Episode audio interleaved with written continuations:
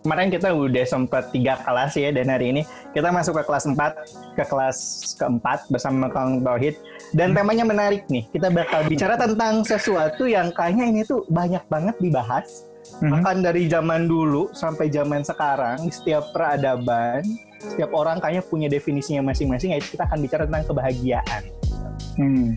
nah sebelum kita mulai kan kan kelas ini tuh judulnya house life Ah, Oke, okay. jadi mm-hmm. akan selalu ada pertanyaan gimana kabar hidup Kang Tauhid hari ini dan selama ini kurang lebih. gimana nih how's your life Kang? Nah, Alhamdulillah uh, selalu penuh dengan nikmat, selalu penuh dengan uh, hal-hal yang unik dan menarik sehingga sangat sangat sangat wajib untuk disyukuri. Uh, uh, cocoklah dengan tema kita hari ini kebahagiaan uh, dari hal yang paling mikro sampai barangkali definisi makro gitu ya. Okay. Dari hal yang paling kecil, hal yang paling sederhana sampai dengan hal yang oh, benar-benar besar dan luas ya Kang ya. Itu tuh bisa disyukuri yeah. sebenarnya dan membuat diri kita bahagia. Yeah. Syukuri loh, bukan disyukurin. Syukurin lo gitu. Syukurin lo gitu. Gak boleh tuh. Oke, teman-teman selalu menyenangkan diskusi bersama Kang Tauhid. Hari ini kita akan berdiskusi dan ngobrol banyak, ngobrol bareng sama Kang Tauhid tentang sama Kang Tauhid tentang kebahagiaan.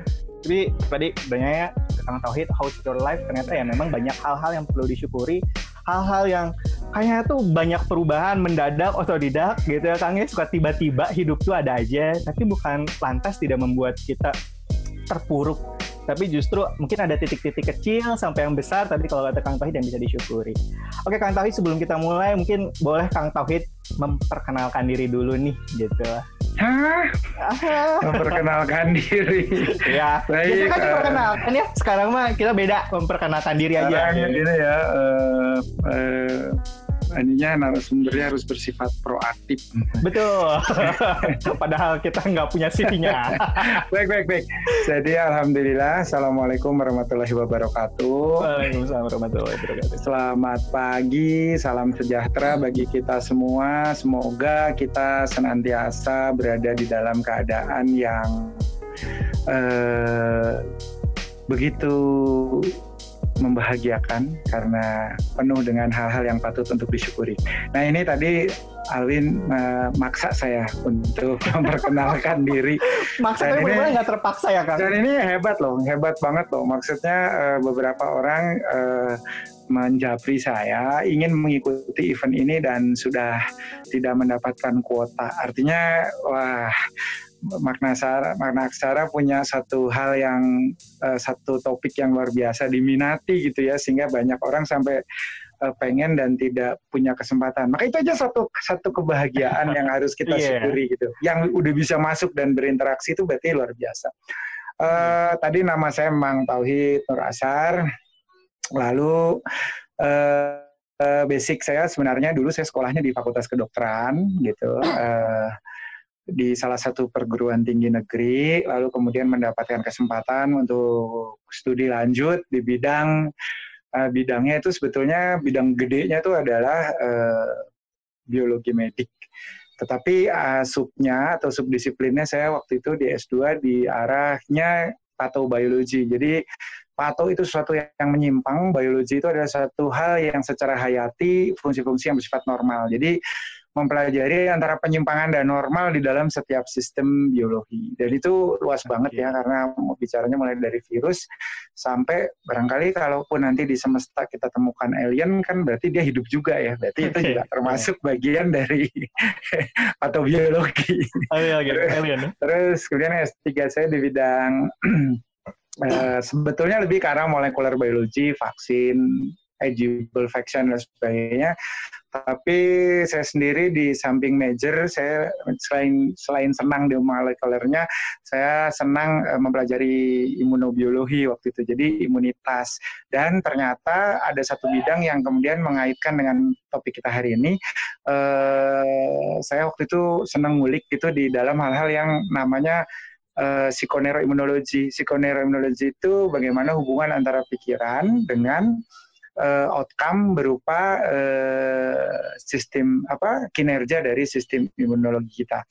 Uh, di situ bicara soal cinta, di situ bicara soal marah, kecewa, gelisah, di situ juga berbicara tentang ya what kind of happiness gitu ya, yang kemudian punya dampak pada kita sebagai entitas yang multidimensi gitu. Jadi akhirnya sebenarnya nggak bicara lab lagi gitu, karena di sana tuh lebih berbicara tentang mind gitu ya, tentang otak manusia, tentang life purposes setiap orang yang berbeda-beda sehingga definisi ketika ada satu fenomena di dalam kehidupan pun memaknainya dengan cara yang cara yang unik gitu ya sangat-sangat uh, bergantung pada experience pada uh, learning methods dan pada culture yang kemudian membesarkan dia. Nah ini jadi unik karena ternyata ketika kita melihat pola-pola ini ya kita menemukan begitu banyak jalan cinta di Oke. Okay. Di dalam peta semesta.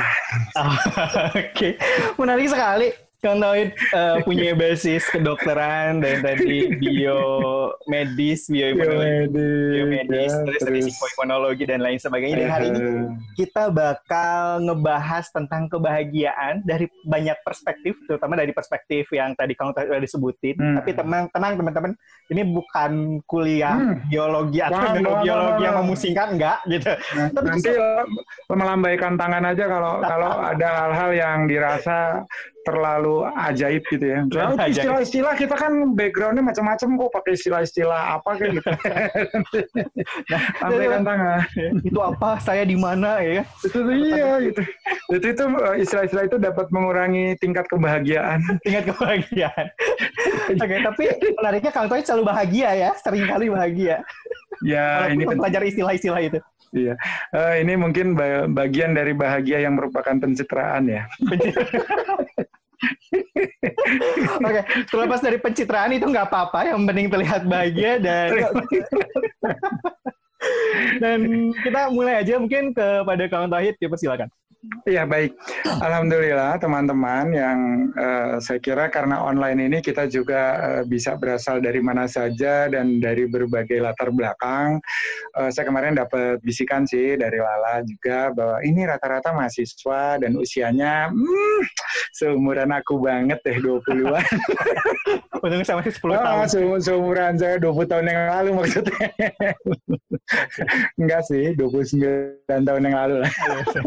Iya, ya jadi uh, saya ingat banget nih teman-teman pada saat seusia itu ya. Saya itu bahkan belum mengerti apa yang saya cari di dalam kehidupan gitu. Jadi artinya passion nggak jelas, kemudian eh, apa yang akan saya kerjakan besok pun barangkali saya masih bertanya-tanya, apa yang sedang saya kerjakan pun masih saya pertanyakan gitu ya.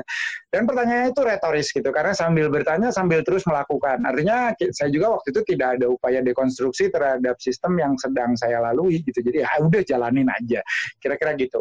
Maka saya sekarang sebenarnya uh, menjadi jauh lebih berbahagia karena ketika melihat the next generation terutama anak-anak milenial tuh kayak sudah ngerti banget gitu uh, apa yang ingin dikerjakan apa yang uh, menjadi tujuan dari perjalanan kehidupannya gitu ya dan itu sebetulnya membuat kita uh, barangkali bisa mengkanalisasi energi sehingga terjadi sinergi berbagai potensi. Kalau saya dulu terus terang masih uh, sampai usia-usia barangkali 25-an pun istilah orang Jawanya tuh ngelundung gitu ya, mengikuti aja sih uh, ritme, mengikuti kondisi kondisi-kondisi yang pada saat itu uh, saya berada di dalamnya gitu. Jadi kayak oke, okay, oke okay, saya jalani. Sehingga boro-boro mendefinisikan bahagia gitu ya.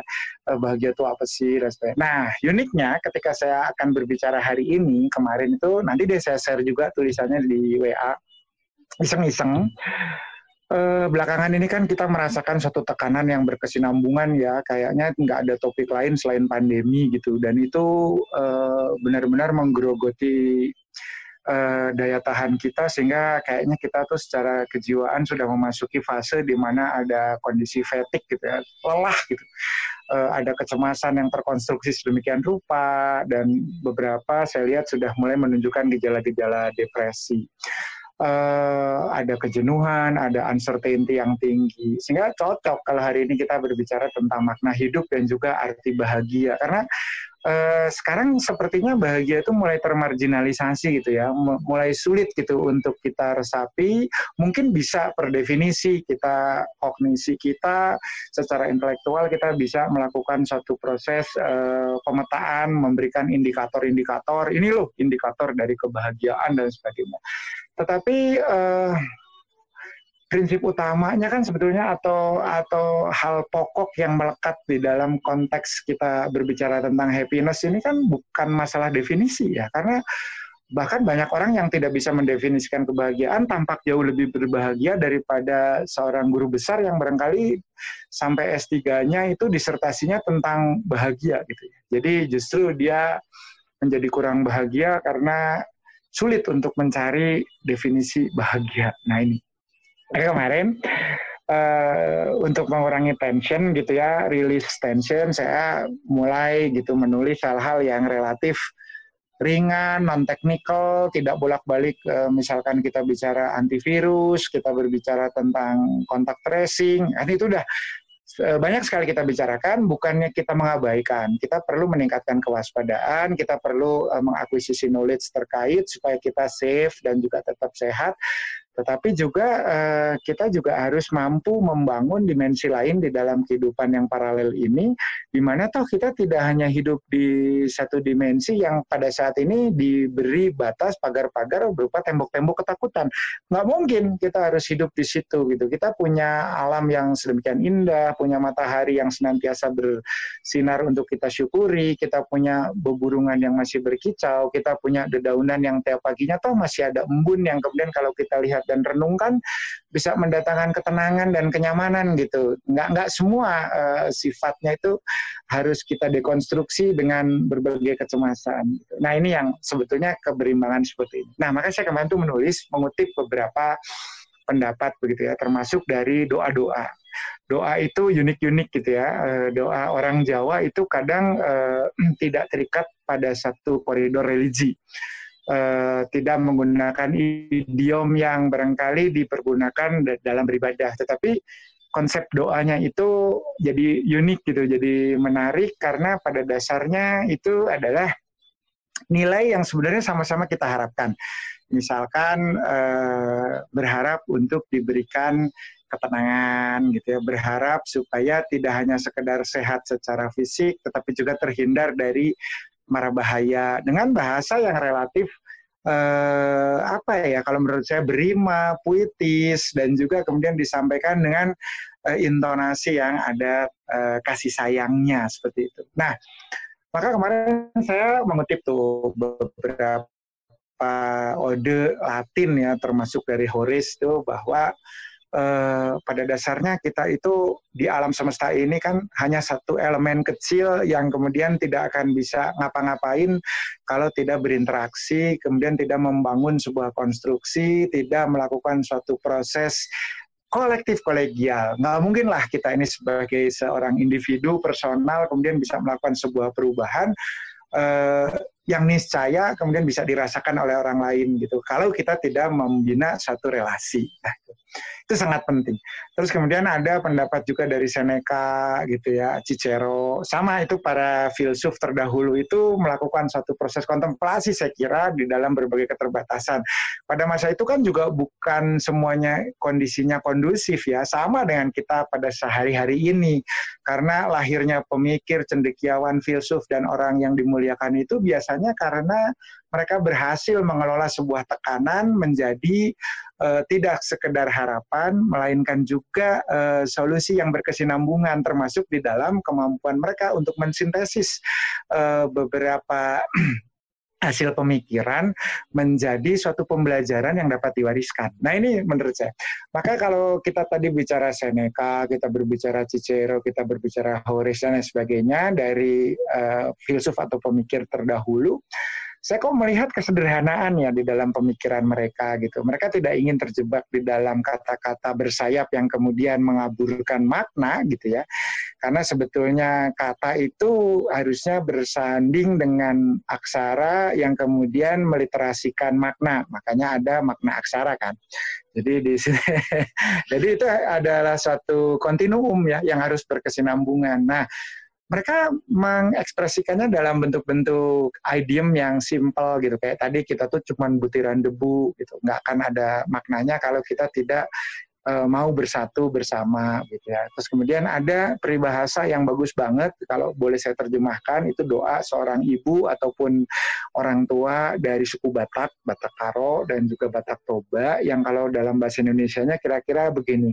Dari mana pun kamu berasal, dari gunung, dari laut, dari timur, dari barat, selama engkau bersatu dan saling menjamu, maka Tuhanlah yang akan menjagamu. Itu kan satu hal yang menurut saya keren banget gitu. Artinya eh, apa pun latar belakang kita, apa pun suku dan ras kita, tetapi ketika di mana pun geolokasi dan ruang spasial engkau tumbuh dan berkreasi, tetapi ketika kita mau saling mensubstitusi dan mengkomplementasi, maka pada saat itulah sebetulnya rahmat Tuhan berupa tadi ketenangan yang kemudian berkorelasi dengan kebahagiaan akan bisa engkau rasakan kan gitu ya jadi eh, kalau menurut saya eh, kenapa saya berbicara seperti ini? Barangkali teman-teman juga sudah bertanya kan bukankah itu terlalu empau melebar dari topik kita hari ini tentang apa itu makna kebahagiaan? Tidak. Ini adalah satu poin untuk saya menyampaikan sebuah premis bahwa ternyata bahagia itu konstruksinya sifatnya seperti tadi sifat dasar manusia itu kolektif dan kolegial. Jadi bahagiaku itu tidak terlepas dari bahagiamu gitu sebagaimana barangkali di dalam konteks kepemimpinan itu ada satu definisi bahwa sebagian pemimpin tahu yang dia mau, tetapi tidak tahu apa yang kita mau. Artinya kita rakyat sebenarnya maunya apa, pemimpin maunya apa. Gitu. Tetapi akan menjadi sangat ideal ketika seorang pemimpin itu tahu yang dia mau dan dia tahu apa yang kita mau sehingga akhirnya apa yang dia mau itu sinergi lah sejalan selaras dengan apa yang menjadi suara atau aspirasi kita. Ini yang barangkali dalam bahasa Latin disebut Vox Populi Vox Dei. Artinya ada representasi. Nah, dari kebersamaan. Jadi saya kira salah satu prasyarat atau requirement di dalam membangun sebuah konstruksi kebahagiaan adalah eh, pertama bahwa bahagia itu adalah satu proses yang kemudian tidak sekedar individual personal gitu ya, tetapi harus dibangun melalui sejumlah model interaksi. Gitu. Jadi artinya nggak mungkin lah kita merasa bahagia di saat orang di sekitar kita atau orang-orang yang secara eh, emosi punya relasi dengan kita tidak turut merasakan. Karena justru sebenarnya kalau dilihat dari aspek kebetulan saya mempelajari neuroscience salah satunya mirroring system di otak manusia itu orang itu lebih gampang, lebih mudah merasa ikut berempati dan kemudian terlarut dalam kesedihan seseorang dengan melihat ekspresi di wajah dengan adanya satu pusat yang disebut F5 itu ya mirror Meren yang kemudian asupannya berasal dari visual. Jadi artinya sebenarnya kita boro-boro mau bahagia kalau bahkan melihat wajah orang di sekitar kita saja lagi sedih. Nah artinya kan kebahagiaan kita itu bersyarat. Maka saya ingin menyampaikan barangkali dalam satu kalimat singkat bahwa nomor satu bahagia itu bersyarat.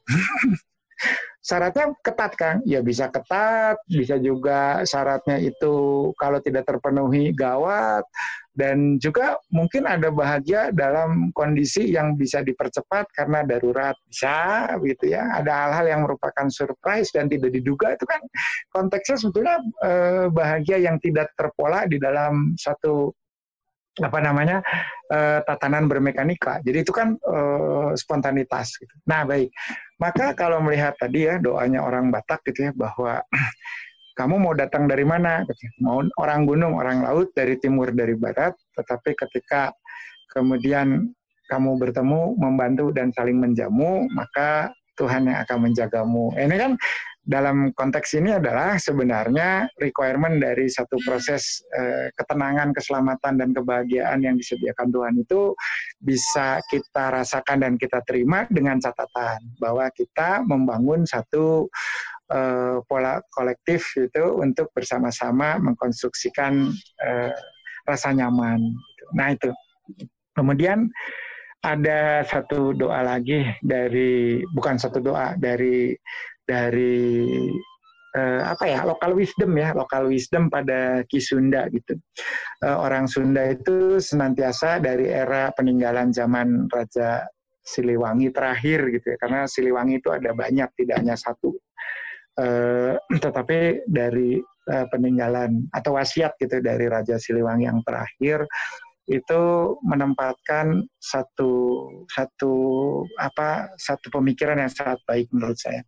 Yaitu bahwa seorang manusia akan mengenal jati dirinya dan kemudian merasa nyaman dengan konsep dirinya itu apabila ia sepenuhnya mengetahui apa yang merupakan uh, identitas identitas dirinya secara proporsional. Di situ digambarkan tuh uh, sangat ini ya sangat kontradiktif begitu terpolarisasi gitu. Bahwa dia menggambarkan uh, beliau menggambarkannya bahwa manusia tuh jangan jadi monyet jangan jadi kebo gitu. Karena munding ataupun monyet itu punya perannya gitu dan manusia akan punya perannya dan akan menjadi tidak lucu ketika manusia juga ikut mengambil peran sebagai seekor monyet gitu. Uh, ini kaitannya dengan LOT atau level of thinking kenapa hewan, misalkan tadi primata yang sudah cukup cerdas dan punya beberapa kemampuan uh, kognitif cukup baik, termasuk di dalam pemetaan secara spasial dan procedural memory, terbukti dari kemampuan menggunakan alat bantu, misalkan pada keluarga Pongopygmaeus atau pada simpanse. Itu uh, kera itu level of thinkingnya ketika berbicara timeline adalah pemenuhan kebutuhan hari ini dan maksimal persiapan bahwa besok saya tuh masih bisa kebutuhan saya tersubstitusi dengan baik yaitu kebutuhan untuk apa survival tools gitu untuk bisa hidup dan bertahan gitu. maka kalau seekor kera masuk ke kebun apa pun yang ada di dalam jangkauan eh, tangan dan kaki serta mulutnya serta ekor bahkan itu diambil semua kita nggak boleh mengatakan dan kemudian menganalogikan dulu, kamu jangan serakah atau rakus seperti seekor kunyuk gitu. Tidak, karena kunyuk itu punya wisdomnya sendiri dan bagi bagi bagi uh, keluarga monyet itu adalah kecerdasan yang terintegrasi di dalam kemampuan untuk mempertahankan kehidupan. Jadi menurut saya itu adalah satu kebahagiaannya monyet gitu. Kita kita jangan uh, uh, menisbatkan diri untuk apa namanya mengekstrapolasikan kebahagiaan kita dengan standarnya monyet. Gitu. Nah, tetapi akan menjadi tidak lucu ketika kita juga mem mempertunjukkan perilaku yang sama gitu ya. Jadi maruk gitu. Padahal manusia itu salah satu yang suka uh, saya masih teringat gitu ada seorang sahabat mengajar di Institut Teknologi Indonesia yang ada di kompleks dekat kompleks Puspitek Serpong di mana dulu itu yang mendirikan adalah uh, Bapak penerbangan kita, Profesor B.J. Habibie. Pak Habibie itu kalau memberikan kuliah umum justru tidak pernah bicara matematika, kalkulus, fisika gitu ya, crack propagation random yang menjadi paten beliau. Enggak. Beliau itu senantiasa mengajak para mahasiswa baru untuk mengembangkan pola berpikir sistematis, futuristik gitu. Jadi artinya eh, tanpa beliau sadari sebetulnya yang beliau sampaikan itu adalah pengenalan terhadap level of thinking. Jadi kalau manusia sekedar bisa memenuhi kebutuhan hari ini lewat proses atau budaya meramu, itu barangkali kita kembali ke awal peradaban 300 ribu tahun yang lalu atau barangkali bahkan mungkin 1,6 juta tahun yang lalu. Uh, sejalan 1,8 juta tahun yang lalu sejalan dengan teori out of Africa misalkan ketika manusia kemudian menyebar ke berbagai antero penjuru dunia dalam rangka untuk uh, mengeksploitasi alam sebagai bagian dari upaya mempertahankan kehidupan. Berarti kan meramu ya. Tetapi ketika manusia sudah mulai berpikir tentang menemukan rasa secure, nah ini penting ini teman-teman. Kenapa? Karena ternyata bahagia juga adalah punya prasyarat gitu ya. Ketika ketika kita merasakan adanya ketenangan dan kenyamanan, yang salah satunya bisa kita dapatkan pada saat uncertainty itu bisa direduksi, ketidakpastian bisa dikurangi. Makanya eh, di dalam suatu relasi, terutama eh, ketika berbicara eh, intergender gitu, yang akan membentuk mahligai rumah tangga ataupun keluarga. Salah satu alasan orang melanjutkan keputusan ke jenjang yang lebih tinggi dalam hal ini uh, mitzakon doli, so perjanjian yang dimuliakan dan disucikan oleh Tuhan, itu pasti salah satu pertimbangannya adalah ingin mendapatkan kepastian di dalam sebuah hubungan. Uh, dan biasanya kemudian ini menjadi kajian psikologi yang menarik gitu ya, karena akan ada perspektif yang berbeda dari dua dua pihak yang akan membangun komitmen gitu ya. Jadi uh, sifat kepastian ini rupanya mendasar karena uh, saya terpaksa masuk sedikit ke beberapa terminologi yang uh, berkorelasi dengan neuroscience. Kenapa? Karena kepastian terhadap pemenuhan kebutuhan paling fundamental, mendasar, itu adalah survival tools. Kan e, manusia itu secara fisiologi hidup.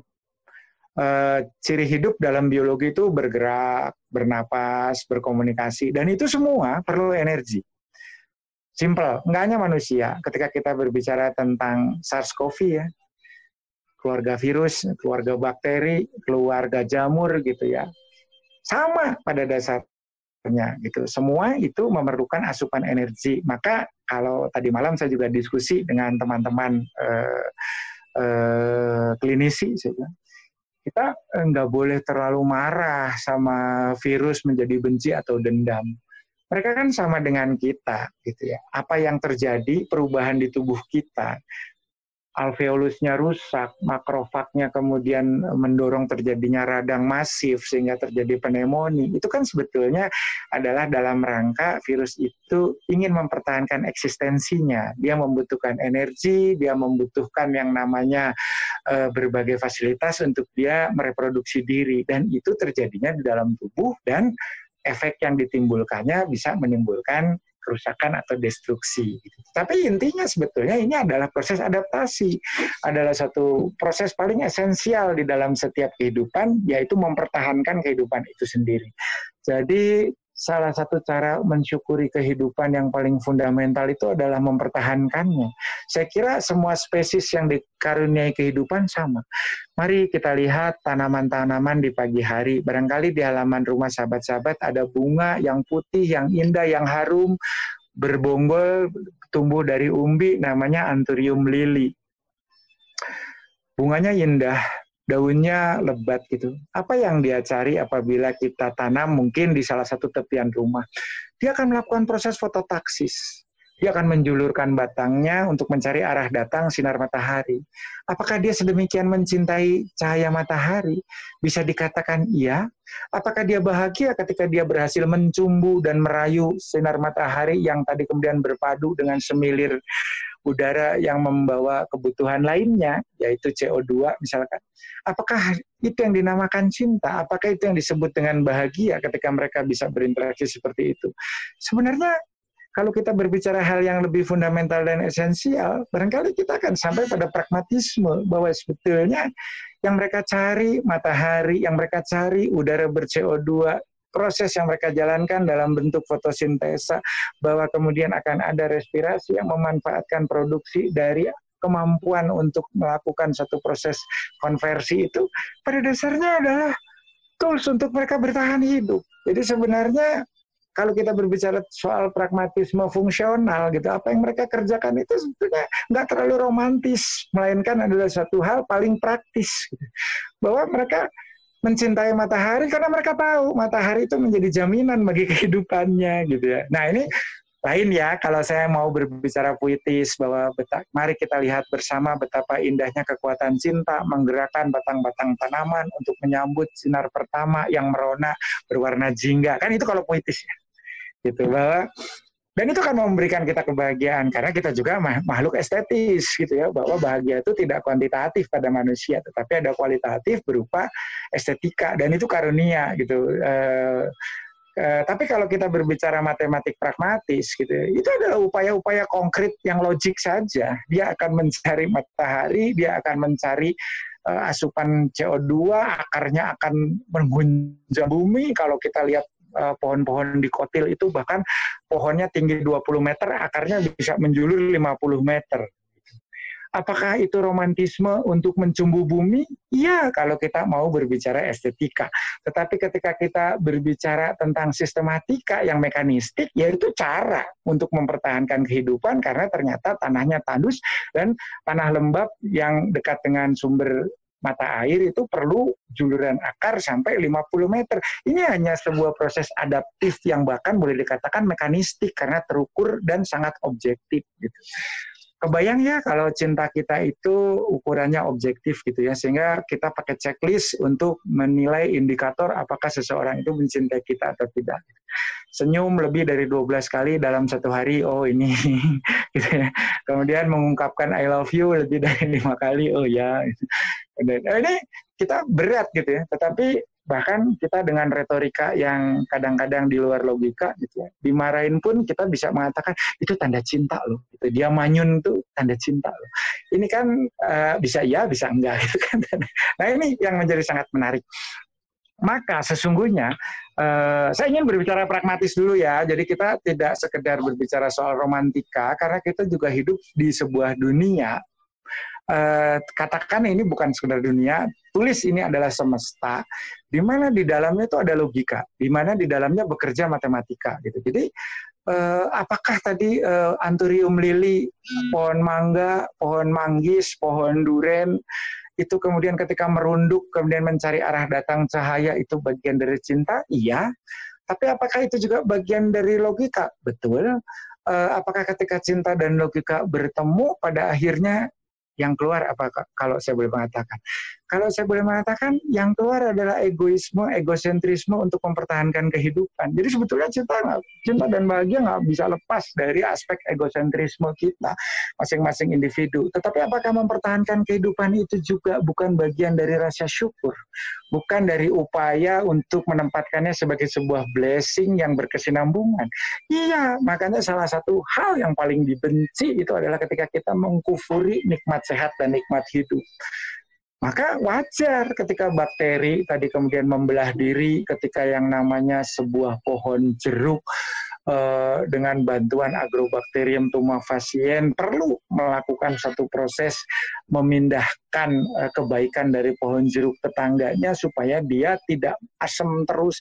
Jadi kalau ada dua pohon jeruk ya, satu asam satu manis itu kalau dibiarkan ini ada risetnya di beberapa tempat itu lama-lama yang asam itu akan jadi manis karena ada bakteri yang membawa pesan genetika namanya Agrobacterium tumefaciens. Kenapa dia harus jadi manis? Karena ternyata manis itu terjaga oleh lingkungan. Monyet lebih senang jeruk yang manis, maka dia tidak akan dipotong. Manusia lebih melihat itu sebagai nilai komersial untuk dijual, maka jeruk itu dipelihara. Apakah menjadi manis itu kemudian karena berempati dengan sesama dan meningkatkan kemampuan untuk menjadi lebih sempurna itu adalah bagian dari rasa syukur terhadap karunia yang telah diterima? Iya, tetapi secara pragmatis itu juga cara dia bertahan supaya dia tidak ditebang orang kan itu simpel sekali. Gitu. Jadi, nah sakit loh mendengarnya ini. Saya harus menyampaikan sebuah kenyataan bahwa ternyata ketika berbicara cinta, zona nyaman dan logika itu eh, ada ukuran-ukuran yang eh, tidak seromantis yang kita kira. Gitu. Jadi eh, apakah kemudian air yang mau disedot oleh akar masuk ke pembuluh tanaman tadi ada zilim, ada flim, kemudian sampailah ke dedaunan di mana di permukaan daun itu ada mulut yang membuka namanya stomata, lalu dengan dengan romantisnya kita berkata di dalam ber, dalam bentuk prosa begitu ya bahwa setiap pagi saat cahaya pertama datang menyapa terbukalah stomata yang begitu mendamba akan cinta. Hmm, gitu ya. Apa seperti itu? Prosesnya demikian begitu ya. Tetapi di sisi pragmatisnya apa? Ya iyalah dia harus ngebuka. Soalnya dia harus nyedot yang namanya CO2 dia harus menerima yang namanya rantai elektron dari paket kuanta yang kemudian kita sebut cahaya. Isinya apa? Hasil termonuklir ketika ion hidrogen akan membentuk struktur baru helium lewat fase deuterium yang kemudian melepaskan tadi foton yang berkelana di semesta. Oh, itu bagian dari sebuah rasa cinta yang terekspresikan dengan cara berbagi bagi sesama. Betul, itu makna filsafatinya. Tetapi apakah matahari juga punya makna fungsional yang dingin, yang uh, mekanistik, yang menurut Isaac Newton bersifat deterministik? Iya, matahari juga sebuah mesin, sebuah robot yang menjalankan fungsi sesuai dengan apa yang telah ditugaskan dalam bentuk algoritma yang terkodifikasi lewat coding, lewat pemrograman yang dia jalani dengan tingkat ketaatan sangat tinggi kan ya menemukan itu semua, memberikan paket kuanta, lalu sistem ini tercipta sebagai sebuah rantai fungsional. Tapi kalau manusia dengan kemampuannya kemudian menempatkan itu sebagai bagian dari estetika, maka ini akan menjadi satu keindahan yang juga terorkestrasi secara luar biasa. Nah ini yang menurut saya uh, kelebihan manusia ketika memaknai hidupnya itu adalah kita bisa mem memaknai satu hal gitu secara multidimensi dalam kurun waktu yang sifatnya saling beririsan dan paralel sehingga menghasilkan uh, konklusi lintas dimensi. Nah ini yang luar biasanya manusia. Sementara sebagian lain sistem yang ada di luar kita itu uh, berbicara tentang konsep uh, apa namanya tadi deterministik yang kemudian uh, uh, tidak kita sertai dengan ke kemampuan untuk melakukan sebuah uh, proses sintesa gitu. Nah ini kalau menurut saya satu hal yang uh, uh, perlu kita kita diskusikan bersama gitu ya. Jadi, nah maka uh, saya ingin mengembalikan pertanyaannya. Saya shocking dulu di awal gitu ya. Ternyata bahagia itu jauh lebih kompleks sekaligus juga bisa sederhana gitu ya. Jadi tadi dimulai dari Seneca, dimulai dari Cicero, dimulai dari uh, Descartes barangkali yang bertanya tentang cogito ergo sum, saya berpikir maka saya ada. Apakah ini juga bukan berarti bahwa saya berpikir lalu saya menjadi bahagia dan bahwa bahagia itu secara premistik juga adalah uh, menjadi nyata karena kita memikirkan dan mendefinisikannya atau sebaliknya ketika kita terjebak di dalam definisi dan makna, maka bahagia kehilangan rasa. Karena kita nggak punya cukup waktu dan kesempatan untuk merasakan, tetapi sibuk dengan melakukan satu upaya untuk mengkonstruksi bahwa bahagia itu sesuai indikasi. Maka akhirnya ini menjadi bahagia yang merupakan bagian dari teori, the theory of happiness gitu ya. Padahal manusia itu kan e, tentu saja tidak hanya sekedar memiliki dimensi kognisi, dia juga punya aspek yang bersifat afeksi. Dia juga harus mempraktekkan itu di dalam kehidupan yang bersifat aksiologis keseharian gitu ya, sehingga kita juga punya hal-hal yang bersifat aksiologis gitu, yang kadang tanpa makna, tanpa tanda, tanpa tanya, tapi kita rasakan dan kita pun tidak bisa mendefinisikan. Nah, Apakah yang terjebak di dalam the theory of happiness itu juga adalah orang-orang yang tidak berbahagia? Belum tentu. Apakah orang-orang yang tidak mengerti bahagia sesungguhnya adalah orang-orang yang berbahagia? Bisa saja. Jadi ini semuanya adalah hipotesa. Nah, tetapi kalau kita berbicara tentang dimensi lain yang kita sebut dengan kualia, inilah yang membedakan kita dengan mesin. Mesin itu bisa membuat satu hubungan, uh, uh, membuat beberapa hubungan korelasional yang sifatnya kausalistik. Gitu. Jadi B terjadi karena ada syarat A yang dipenuhi. Apakah bahagia juga harus kita formulasikan secara matematika demikian? Apakah kemudian anturium lili yang pada pagi hari mendapati bahwa cuaca mendung sekali sehingga cahaya matahari yang biasanya ia terima dengan sepenuh hati pada pagi ini ternyata tidak hadir? Apakah kemudian di situ dia akan mellow? apakah kemudian di situ dia akan kehilangan semangat untuk kemudian menjalani hidup? Gitu ya? Apakah dia tidak bisa menunda? Apakah kemudian dia tidak bisa melakukan sebuah rencana untuk kemudian melakukan satu rekondisi terhadap hal yang tengah dijalani? Saya kira uh, kita mungkin uh, tidak pernah mengerti gitu ya apa yang dirasakan oleh sebatang pohon nangka, apa yang dirasakan oleh seekor semut gitu ya.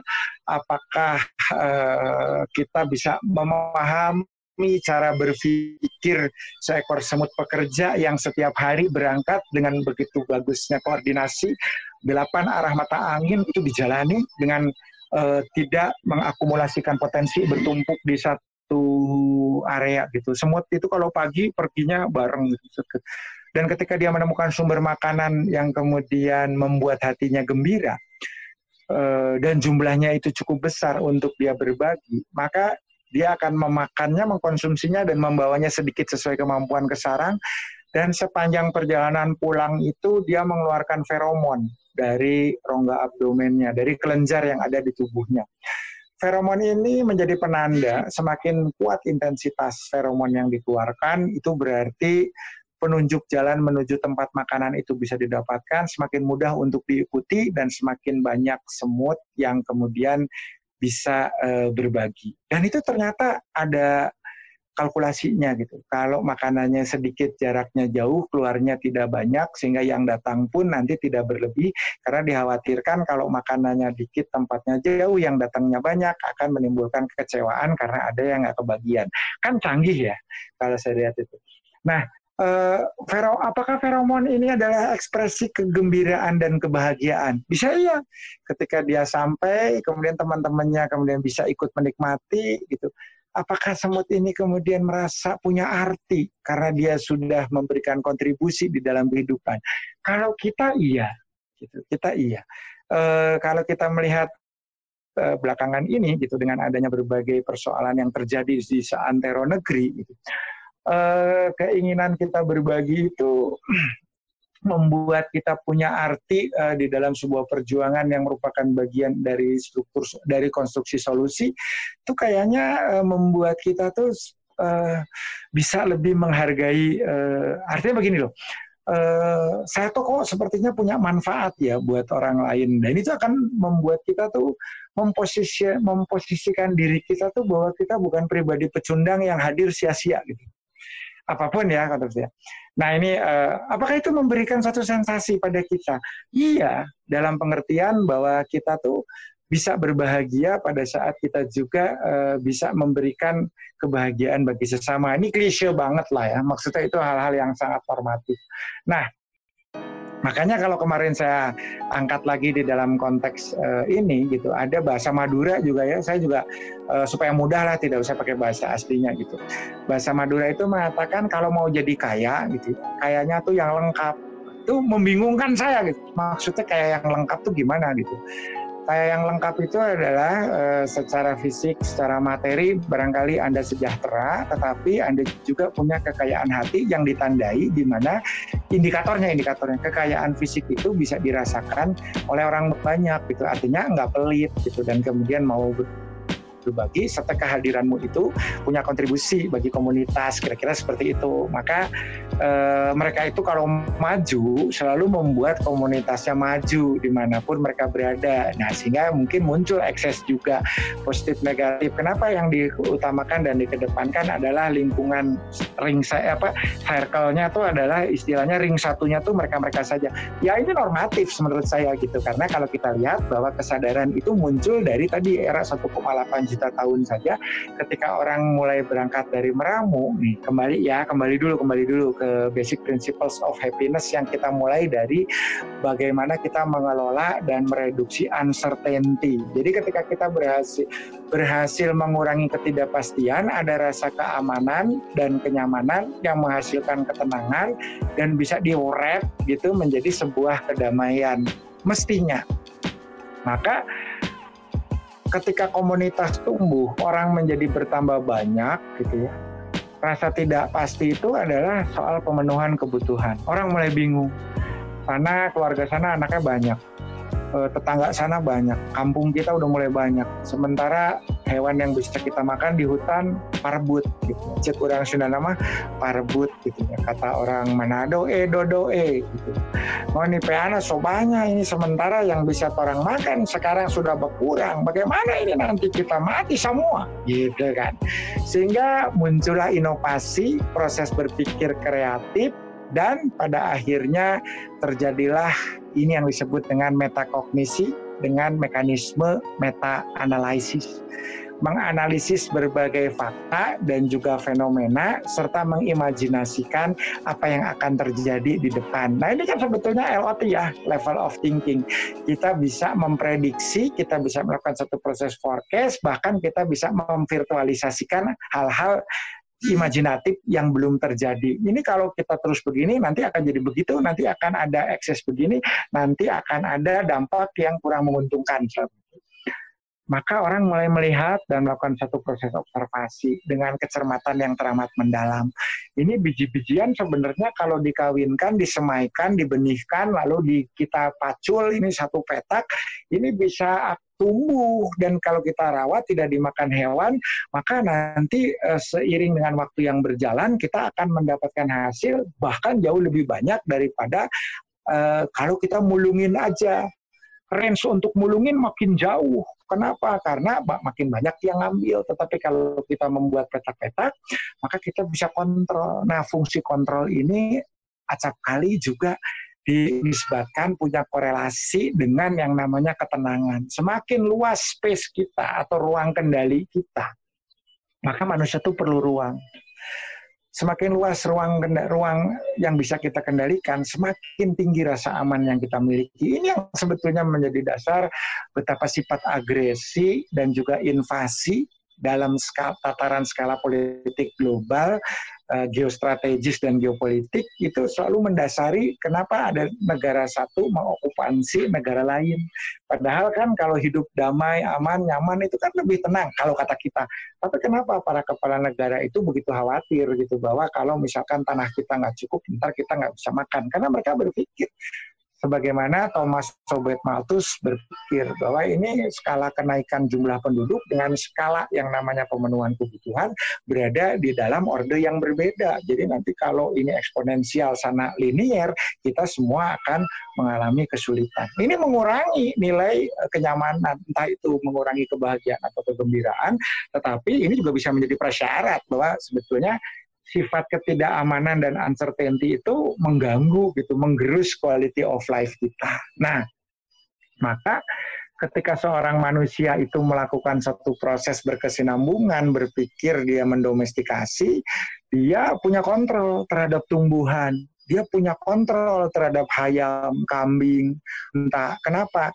Karena sudah saya domestikasi, ku bawa kau ke rumahku di dalam ranah di mana aku punya domain kendali yang aku bisa menentukan bahwa nanti setelah enam bulan aku pencit domba, aku sembelih sapi, aku panen kangkung gitu. Dan tenang anak-anak gitu ya bahwa di dalam enam bulan ke depan kita punya cadangan untuk enam bulan ke depan lagi ayah tapi kita tidak punya gandum, jangan khawatir, ini adalah komoditas yang punya nilai tukar. Kita jual sapi barter dengan gandum, kita jual sapi dengan alat tukar yang pertama diperkenalkan di era Punisia, yaitu mata uang supaya menjamin stabilitas moneter karena ada standar bersama di dalam penentuan value atau nilai.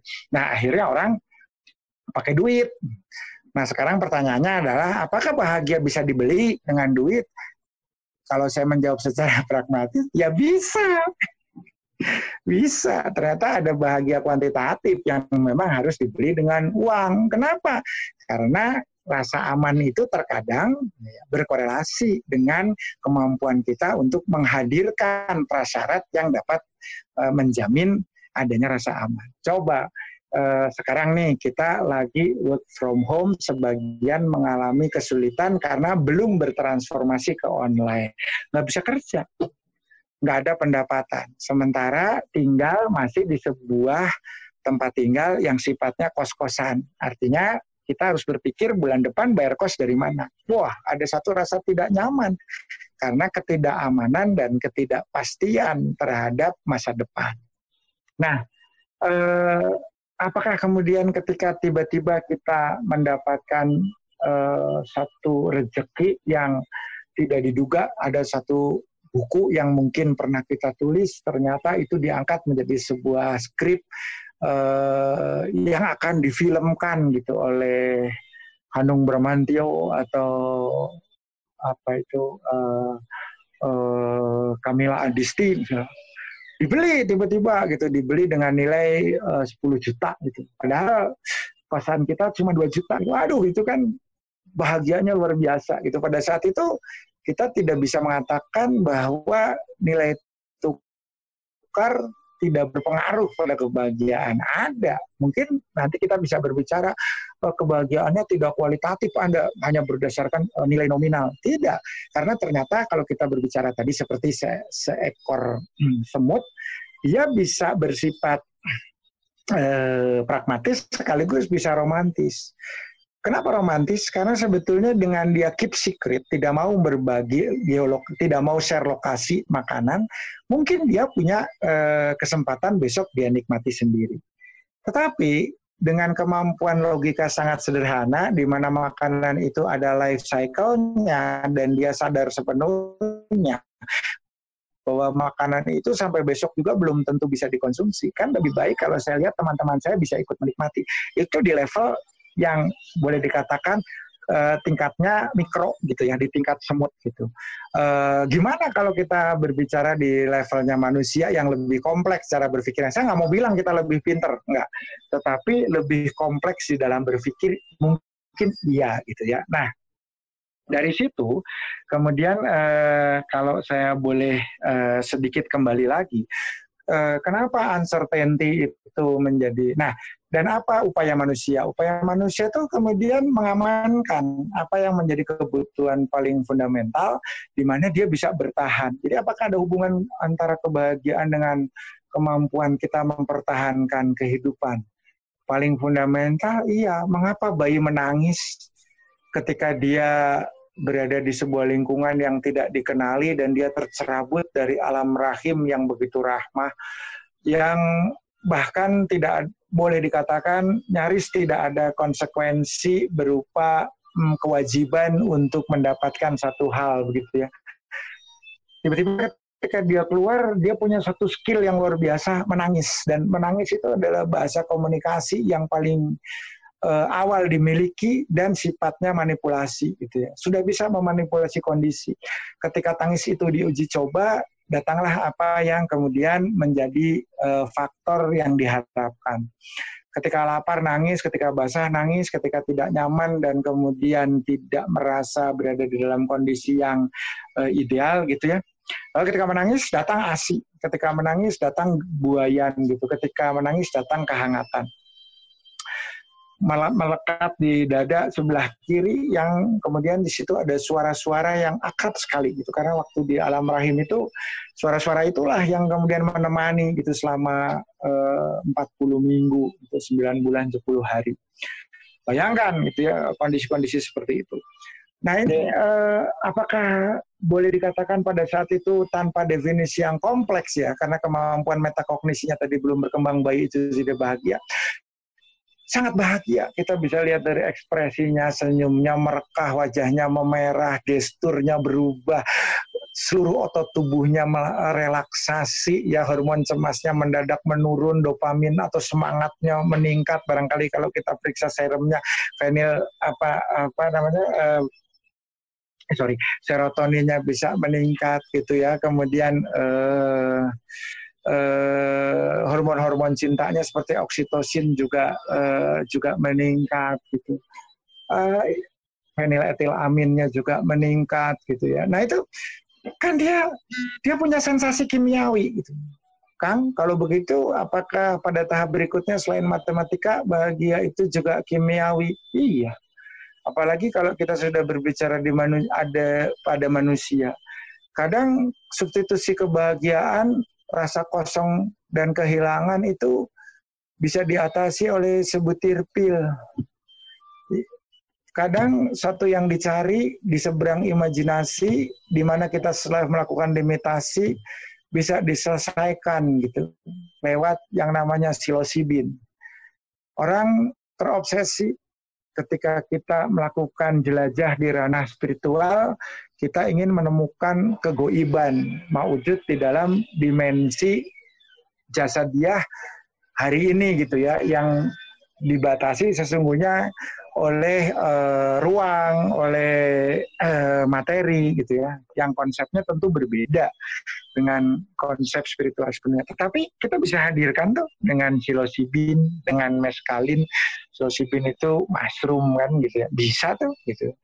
Uh, banyak sekarang para ahli gizi melakukan satu pendekatan yang disebut dengan pendekatan nutrigenomik eh, mengatur makanan yang bisa membantu menghadirkan kebahagiaan karena salah satunya adalah eh, dengan mengoptimalkan peran prekursor eh, serotonin yang bisa didapatkan dari asam amino triptofan. Kalau banyak makan triptofan gitu, maka potensi untuk menghasilkan serotonin besar, menghadirkan ketenangan itu akan lebih cepat, gitu, akan lebih mudah. Tetapi apakah ini the real happiness? Apakah ini apakah yang kita maksud dengan happiness itu bebas-bebas saja gitu sehingga manipulated happiness pun is a part of happiness gitu ya. Silakan kalau mau kayak gitu sebagian besar orang di beberapa negara maju yang pernah kita riset gitu ya seperti di uh, eh, US ataupun di beberapa negara di, di Eropa um, menggantungkan kebahagiaannya pada uh, farmakoterapi gitu. Maka salah satu spesialis paling laku kan uh, psikiatri, psikiater. Uh, kenapa? Karena dia bisa menjadi solusi instan gitu untuk untuk uh, kalau kita tadi berbicara bahwa ini hanya sebatas sensasi. Nah, maka kita ingin kembali dulu nih, kembali dulu, uh, kembali dulu tadi bahwa uncertainty mendorong manusia untuk berproses untuk ber, untuk berkreasi. Di situ ternyata Tuhan mengkaruniakan satu poin yang luar biasa menurut saya uh, kalau kita melihat di sini ada satu titik di mana ketika orang butuh, orang takut bahwa hidupnya terancam, bahwa dia tidak punya cukup kendali atas ruang yang tercipta, bahwa antara dia dan kebutuhan serta jurang kematian itu semakin merapat dan mendekat.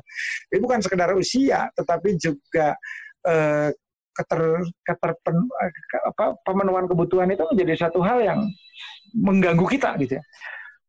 Ya kita kalau boleh jujur kita tanya deh pada diri kita sendiri kita sekolah tinggi kenapa sih gitu? Sampai S1 S2 oh biar pinter biar punya pengetahuan. Itu dari segi idealnya. Dari segi yang bersifat praktis ya kalau boleh jujur kan kalau sarjana lebih gampang dapat kerja.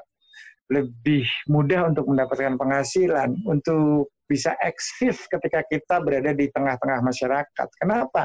Karena ketika kita melakukan knowledge exchange dan kemudian kita dianggap sebagai seseorang yang memiliki satu keahlian, maka kita punya satu tempat yang akan diingat oleh orang dan itu juga jaminan ketika orang tidak lagi dikenal oleh komunitasnya, buru-buru bisa cari makan kan gitu. Maka eksistensi menjadi penting. Fenomena ini sekarang terjadi di sosial media. Siapa yang uh, sekarang bisa hidup sejahtera uh, ya yang followernya 3 juta lah gitu kan. Karena di situ kemudian bisa mengendorse apa pun dan itu sebenarnya kan adalah uh, kemampuan mengontrol dalam mem, mem, dan membuat satu circle sosial yang semakin melebar dan magnitudonya semakin besar. Uh, Impact-nya kan adalah rasa aman gitu ya. Orang sekarang misalkan dia tidak harus bekerja di industri, katakanlah tidak harus bekerja di satu lokasi-lokasi uh, yang kemudian eh, bahkan tidak terbayangkan kalau kita harus jalani gitu. Tapi ternyata eh, dengan circle yang kemudian magnitude-nya membesar lewat jejaring sosial katakanlah dia punya satu rasa aman, satu rasa satu rasa nyaman. Dan itu datangnya dari mana? Dari upaya konstruktif untuk menabalkan eksistensi. Ya, caranya gimana? Ya bikin sensasi. Ya kemudian uh, buat konten yang barangkali diperlukan orang, edukasi, buat konten yang barangkali uh, purely entertaining something gitu. Sehingga orang juga ah saya udah pusing dengan gitu coba bayangin itu kan sama dengan ketika dulu orang menemukan lahan untuk bertani sama dengan ketika orang menemukan lahan untuk beternak sama pada dasarnya sama. Bahwa kita nah tetapi di situ membutuhkan satu kemampuan prokreasi. Dan kemampuan prokreasi itu kalau menurut saya metakognisi bukan sekedar menghubungkan A dengan B, tetapi bagaimana ketika A ketemu B, kita bisa dapat C, D, sampai Z. Nah itu. Nah, dan di situlah achievement menjadi hal yang menjadi hal yang kemudian mempersyaratkan hadirnya kebahagiaan, kenyamanan, kegembiraan. Ketika orang berhasil mendapatkan padi dari sawah yang dia gali, yang dia pacul sendiri dengan eksperimentasi yang sedemikian luar biasa, tingkat uncertainty yang membayangi karena probability 50-50 karena dalam enam bulan apakah keluar padi, apakah lumput liar, apakah nanti padi yang kita tanam dalam sawah itu bisa kita konsumsi, semuanya the big question mark, tanda tanya besar yang kita nggak pasti. Tetapi manusia berani melakukan proses eksperimentasi. Itulah Nah, lalu Pak kalau begitu bahagia itu juga adalah exploring something dan juga part of our experimentation in our life. Iya. Jadi bahagia itu eksperimen, bahagia itu adalah eksplorasi, adalah petualangan, bahagia itu adalah satu uh, tidak terlepas dari satu konsep yang disebut dengan achievement. Dan ketika padi pertama itu ternyata bisa dimasak dengan air di ngaliwet ya, itu mungkin budaya masak paling tua itu budaya masak Sunda karena kan yang namanya gandum namanya padi itu orang tidak mengenal baking awalnya. Kenalnya adalah ngaliwet dikumpulkan dengan air dibuat menjadi semacam bubur ataupun e, nasi gitu, dikumpulkan.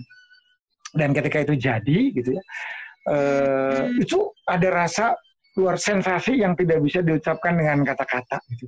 bahwa upaya saya menghasilkan sebuah hasil yang bisa menjamin eksistensi saya ke depan dan bahkan bisa apa membawa keselamatan bagi peradaban bagi umat manusia gitu.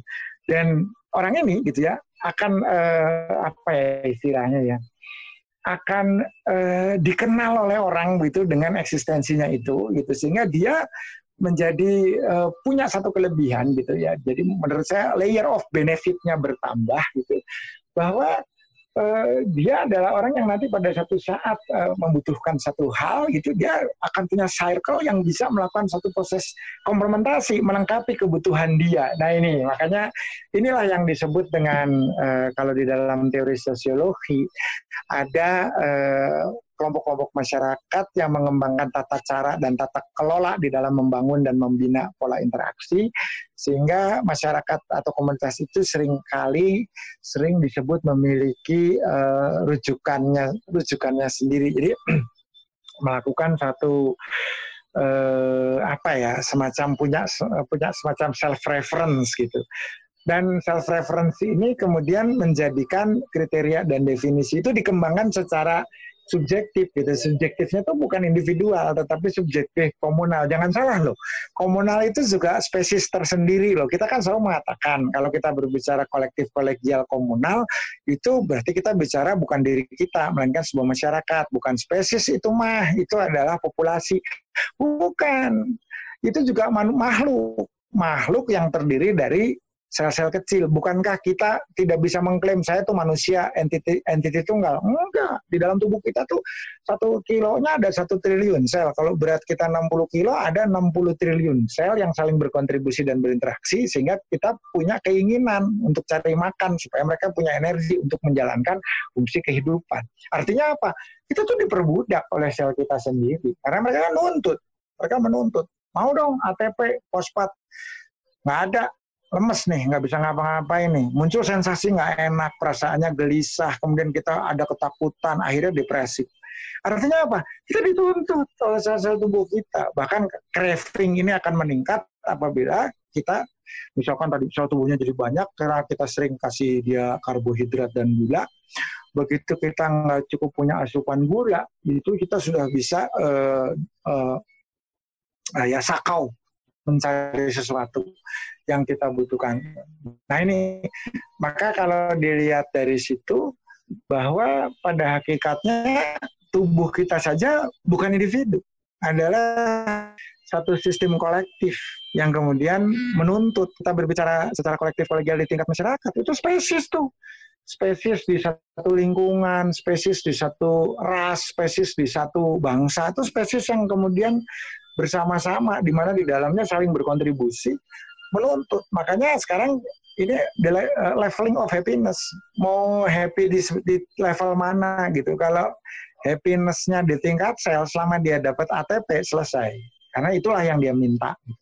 Tetapi kalau itu di tingkat manusianya gitu ya kan, bukan sekedar ATP, karena kebetulan ATP itu di, di, di, dikorelasikan oleh Tuhan dalam bentuk sensasi kita tuh kenapa makanan itu ada rasanya? Supaya senang konsumsinya. Maka kita punya motivasi bukan untuk sekedar mendapatkan eh, apa ya fungsi utama dari makanan. Tetapi sering yang kita kejar itu adalah fungsi sekunder dari makanan. Sensasinya kan gitu uh, butuhnya sudah tamat gitu. Kita butuhnya 1850 kalori. Sudah selesai tadi pagi ketika kita sahur makan roti tamat tetapi kemudian yang kita kejar adalah secondary needs-nya, yaitu rasa. Karena apa? Karena rasa itu kemudian ketika kita bisa penuhi uh, di berbagai sistem bus, apa namanya, uh, sensasi gitu ya, itu bisa menghasilkan satu kondisi di mana kita bisa merasakan ada nah ini yang sering masuknya bukan lagi pada aspek uh, yang bersifat neurofisiologi. Ini sering dimasukkan di dalam konteks yang didefinisikan sebagai kualia. Kalau kita berbicara dalam konsep AI itu uh, machine learning, deep learning, kita berbicara tentang uh, knowledge growing system, kita berbicara tentang yang namanya artificial neural network, hampir semua fungsi otak manusia itu sudah bisa direplikasi. Tetapi ada yang tidak bisa direplikasi, yaitu uh, hal-hal yang bersifat adjektif, yang bersifat rosok kata orang Jawa. Uh, rosok itu apa sih? Ya bahagia itu definisinya gimana kalau buat mesin gitu. Karena misalkan kita berbicara rasa ya, rasa itu bisa direplikasi oleh mesin. Maka uh, banyak sekali tuh uh, uh, AI engineer-nya Facebook itu Lecun itu sering mengatakan gitu. Apabila mesin itu bisa berkomunikasi, bisa menjalankan semua fungsi yang selama ini dikerjakan oleh manusia sesempurna dan bahkan lebih sempurna dari manusia, dia pun tidak tahu sebenarnya apa yang dia kerjakan. Dia nggak punya aspek azas manfaat, dia tidak punya uh, achievement gitu, dia tidak bisa mengapresiasi dirinya sendiri karena berhasil melakukan sesuatu, enggak. Kalau kita kan uh, uh, melakukan ini ya, mengawarding diri kita sendiri dengan hadiah gitu, dengan reward gitu, sebagai bagian ketika kita mengachieve satu hal dan kita berhasil, kan bahagia itu adalah pada saat kita mensyukuri dalam pengertian kita itu seolah menilai diri kita sendiri dan memberinya hadiah. Jadi jangankan teori Pavlov gitu ketika ada conditioned stimulus gitu ya. Eh, kita pun menjadikan stimulus itu terkondisikan dengan reward gitu. Nah ini kan yang yang yang uh, pada akhirnya uh, terjadi polaritas terhadap pembermakna kebermaknaan dari rasa bahagia.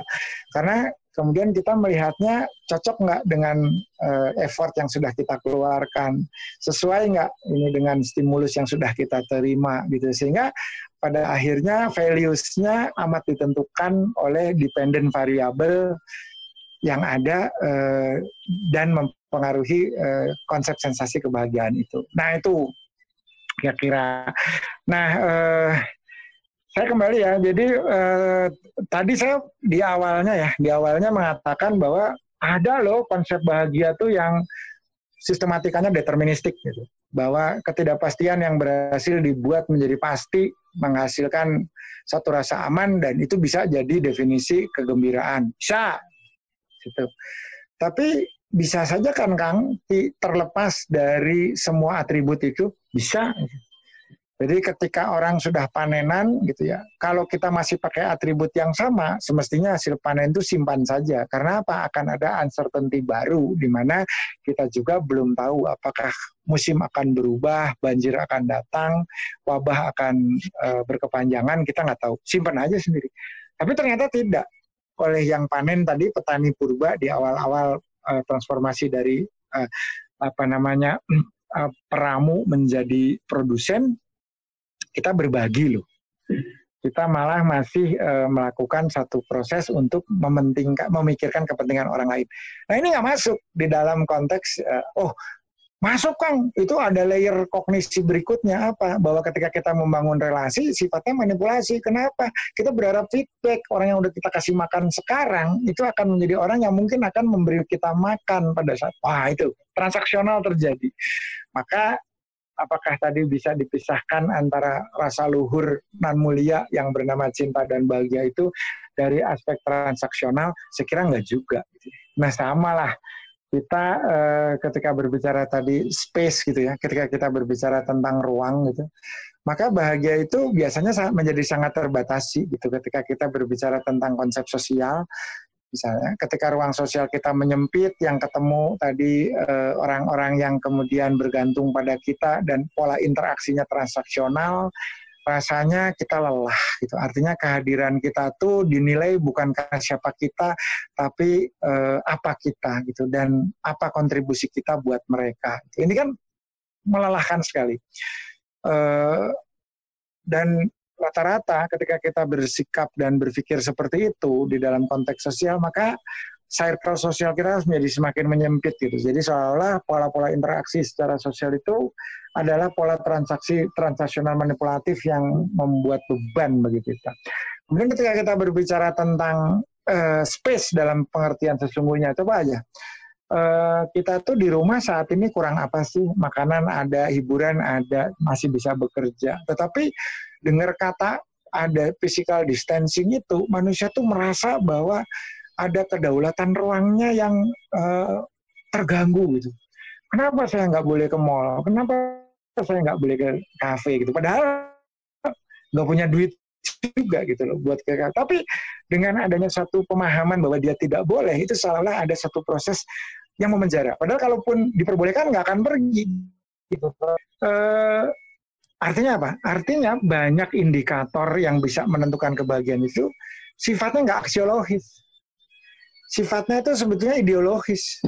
Artinya indikator-indikator itu sebetulnya teoritis.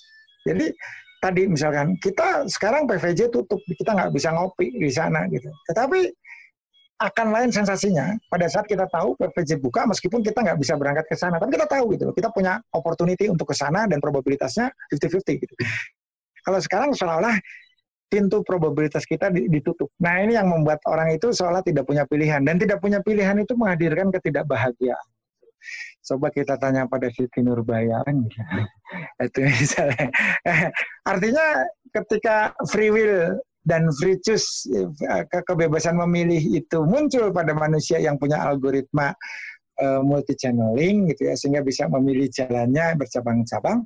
Itu juga satu prasyarat untuk menghadirkan kebahagiaan. Tuh kan pusing kan? Jadi definisi kebahagiaan itu saya aja ngarang aja sebetulnya dari tadi. Ini hanya berpikir secara logika coba lihat apa sih yang membuat orang nggak bahagia nggak punya pilihan. Hari ini kan eh, teman-teman eh, mungkin sebagian besar yang berada di rumah happy karena bisa menyikapi bahwa ini adalah satu pilihan yang saya sepakati menjadi bagian dari konsensus kita sebagai bagian dari sebuah tubuh besar yang tadi namanya populasi di dalam memerangi satu kondisi misalnya tapi kan ada yang merasa tubuh kecilnya nggak berada di sini. Gitu. saya not in involved in this war gitu. Saya saya apa yang salah nih? Jadi wah gitu ya tidak uh, uh, apa saya kok saya, saya saya tidak punya probabilitas untuk melakukan suatu pilihan. Saya tuh hanya menjalankan apa yang dijalankan secara komunal. Saya tersiksa. Maka dulu beberapa negara sosialis seperti era USSR itu memperkenalkan konsep gulak. Bulak itu nggak mau menjara orang, tetapi orang yang berbeda ideologi di, di, diberi di, di, diisolasi di satu tempat gitu, dan dia harus mengerjakan apa yang diperintahkan. Nah itu bahkan lebih menyiksa dari penjara gitu, karena apa? Tempatnya terbuka dia nggak dirantai dia bisa ke mana-mana. Cuman terisolasi jaraknya ribuan kilo di Siberia. Kalaupun lari nggak bisa ke mana-mana tapi dia punya kehidupan. Barangkali di era pergerakan kita juga masih mengenal ada satu camp tahanan yang dibuat Belanda oleh para tokoh untuk para tokoh-tokoh besar bangsa. Bung Hatta Sahrir pernah ke sana. Itu ditaruhnya di Bovendigul di tanah merah gitu. Apakah di sana tuh fasilitas yang disediakan memperhatikan tidak dikasih rumah bagus. Kasih jalan-jalan kasih klinik bahkan rumah sakit. Ada pos masuk majalah ada tempat ibadah disiapkan. Tetapi semua yang diberikan itu tanpa pilihan harus dijalani apakah itu mengganggu annoying pada diri kita? Iya karena semewah apa pun yang disediakan tapi karena itu bukan pilihan gitu ya. Kita menjadikan itu adalah hal yang membuat kita sebagai makhluk yang rasanya tidak merdeka. Artinya apa? Kemerdekaan itu barangkali juga ada salah satu requirement untuk merasakan kebahagiaan. Jadi bicara nah, tentang pilihan juga ya, Kang? Nah ini. Baik nah, free will, free choose gitu ya. Iya. Oke. Okay. Kurang lebih begitu. Gantian temuin. Saya udah ini nih iya, ini. seret nih ngomongnya. iya, Kang. Enggak. Uh, jadi menarik sih kalau buat saya sendiri bahwa ternyata ketika kita bicara bahagia kayaknya untuk mendefinisikannya aja susah ya Kang ya. Karena memang tadi yeah. tergantung bagaimana kita menyikapinya dan eh, nanti nanti dulu nih. Ini bahaya bahaya nih. Ada guru saya hadir di sini nih. Ada oh, gitu? Bapak Kemal Andreas nih. Oh, ada sebagai ini ini antropolog paling handal dunia akhirat. Oh. Nanti saya dimarahin kalau berbicara tentang tadi uh, stratifikasi sosiologis dari suatu masyarakat dan bahwa bahagia komunal itu ada gitunya makanya ada upacara kalau menurut beliau bakar batu tuh lihat tuh kan kebahagiaan ramah ramean tuh Win padahal mungkin da daging yang dimakan mat cukup untuk semua gitu kan tapi ya, ya gitu. Oke. Iya kan uh, iya juga ya tadi termasuk dari relasi sosialnya juga seperti apa itu juga berpengaruh sehingga memang nah di sini ada beberapa pertanyaan juga Kang yang udah sempat masuk. Siap. Mungkin bisa langsung nanya jawab juga ya Kang ya? Sambil hmm. nanti coba kita diskusi. Gantian nanti saya yang nanya sana yang jawab. Iya, iya, iya. Ya. Oke, okay. terkadang saat hal yang membahagia pun suka nggak bahagia. Jadi mungkin ada satu hal yang yeah. momen itu tuh harusnya membahagiakan. Paham, paham, paham, paham, Bahagia ya, gitu. Paham, paham, paham, paham. Jadi gini nih, jadi gini nih. Karena eh, bahagia itu berkorelasi dengan indikator dan kemudian itu menjadi definisi yang diteorikan, makanya seolah-olah satu kondisi itu kita langsung eh, mengkorelasikan dengan ini kamu kalau di sini harus merasa bahagia. Misalkan nih kita yang dari Indonesia selalu terpesona dengan berwisata ke negara-negara yang kita anggap mimpi gitunya nanti kamu kalau berprestasi akan dapat tiket gratis menginap tiga malam empat hari di JW Marriott Times Square New York.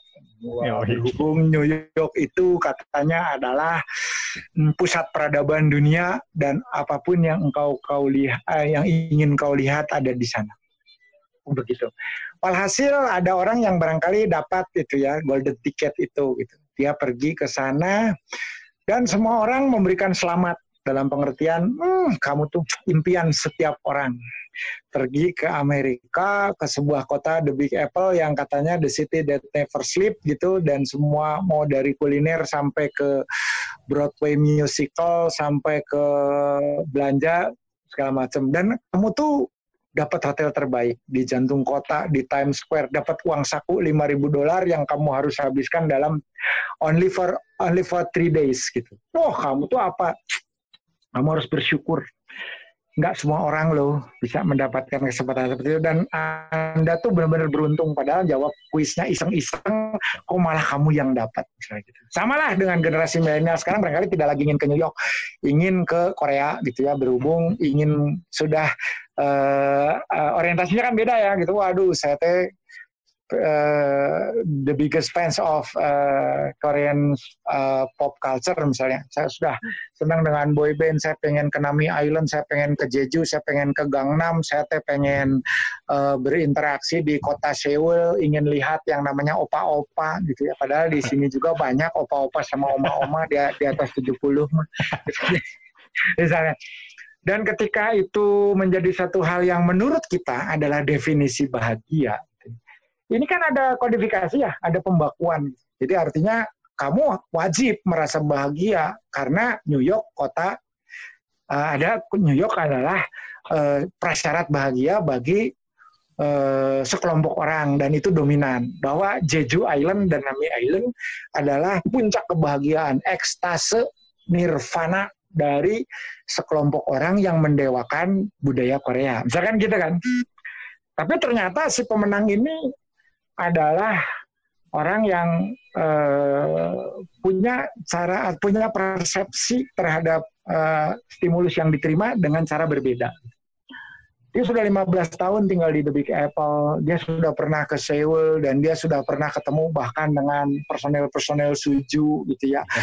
bah, iya, bahkan dengan romantik dokter itu poin utamanya dia sudah pernah foto bareng gitu. Dan menurut dia ya sensasinya biasa-biasa saja gitu ya. Bahkan dia tidak doyan kimchi, dia uh, agak komparasi antara bulgogi dengan sate Banyumas misalkan kan gitunya. Nanti sate bulgogi dan Banyumas ya. Nah, artinya ketika dia dikirim ke sana dengan berbekal uang won yang banyak, ya dia tidak merasakan sensasi itu. Dia merasa hambar gitu. Sehingga orang marah kan. Kamu termasuk orang yang tidak pandai mensyukuri nikmat.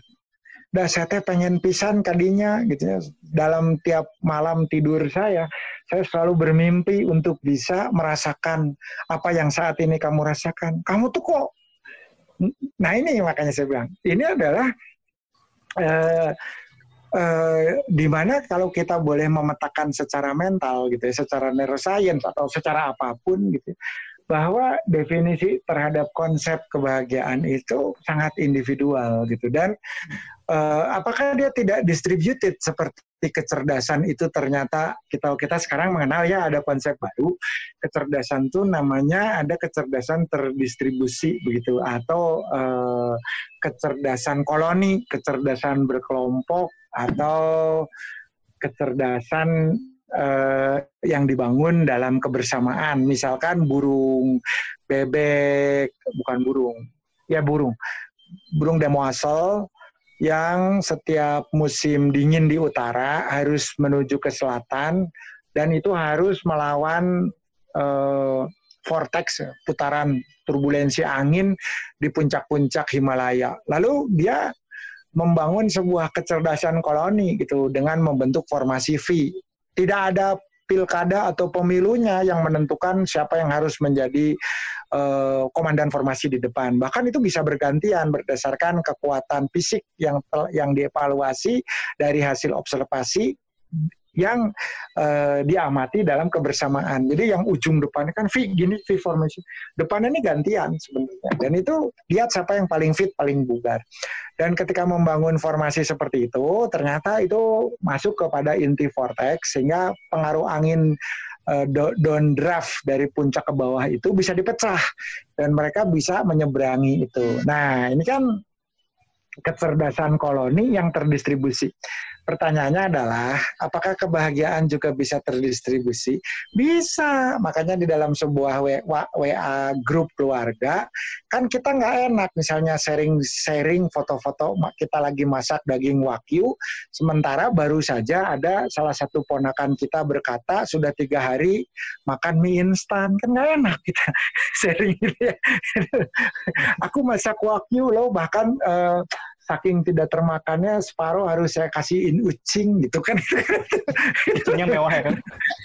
Luar biasa ya gitu kan. Jadi uh, ini ini ya uh, sementara baru aja posting di atas gitu ponakan kita atau bahkan adik kita lah gitu aduh dalam kondisi ini sudah hari ketiga ini pagi siang sore makan aneka rasa masakan dalam satu bentuk utama disajikan sebagai mie instan kan gitu ya dan banyak rasa ya ada yang rendang soto. Iya iya. Nah di situ kebahagiaan individual kita yang lagi makan wakyu sontak jadi rada tengenah gitu. Jadi kita mulai merasa aduh kok jadi saya nggak enak ya uh, eh, lidah kita mulai terasa baal. Berarti Kok jadi nggak saya... yang sifatnya komunal gitu juga ya Kang ya sebenarnya iya, mengaruhi iya. relasi kita, lingkungan kita juga, bagaimana iya, gitu. orang-orang terdekat kita. Hmm, apa lagi makan enak ya karena sekarang lagi wabah gitu. Tiba-tiba kita mendengar kawan kita positif, kan lagi langsung nggak enak. Makan juga langsung, aduh, aduh, bagaimana ya? Uh, bagaimana keluarganya ya? Bagaimana kan itu ya? Jadi itu adalah hal-hal yang uh, konstruksi kebahagiaan itu menurut saya tadi uh, bebas definisi menyediakan ruang untuk free will dan pilihan gitu dan juga uh, distributed sifatnya uh, saling berbagi itu bisa memperkuat konstruksi. Nah kalau kita kan selama ini berpendapat semakin banyak diber, mem, apa dibagikan, diberi, semakin sedikit yang kita dapatkan. Ternyata salah dalam kebahagiaan itu ternyata justru uh, bisa membangun fondasi gitu yang lebih kuat dan punya dampak uh, penetratif yang lebih luas jangkauannya gitu. Jadi kalau berarti ketika memang tadi bahagia berbagi itu bisa menjadi salah satu cara untuk berbahagia juga ya Kang ya sebenarnya. Iya. Eh, dan nggak kerasa, nggak kerasa ya udah mau setengah dua belas. Bentar lagi. Tapi ini ada pertanyaan lagi kang. Tadi maaf. uh, terkait dengan tadi kebahagiaan komunal juga. Ini ada pertanyaan. Jika kebebasan memilih, sorry mana tadi ya? Uh, oh ini nih. Jika kebebasan memilih itu adalah prasyarat untuk menciptakan kebahagiaan, apakah setiap kebahagiaan ada konsekuensi yang kita tanggung? Karena setiap hal yang kita pilih ada konsekuensinya. Hmm, ini kayaknya yang nanya Mbak Anissa. Berat Bukan.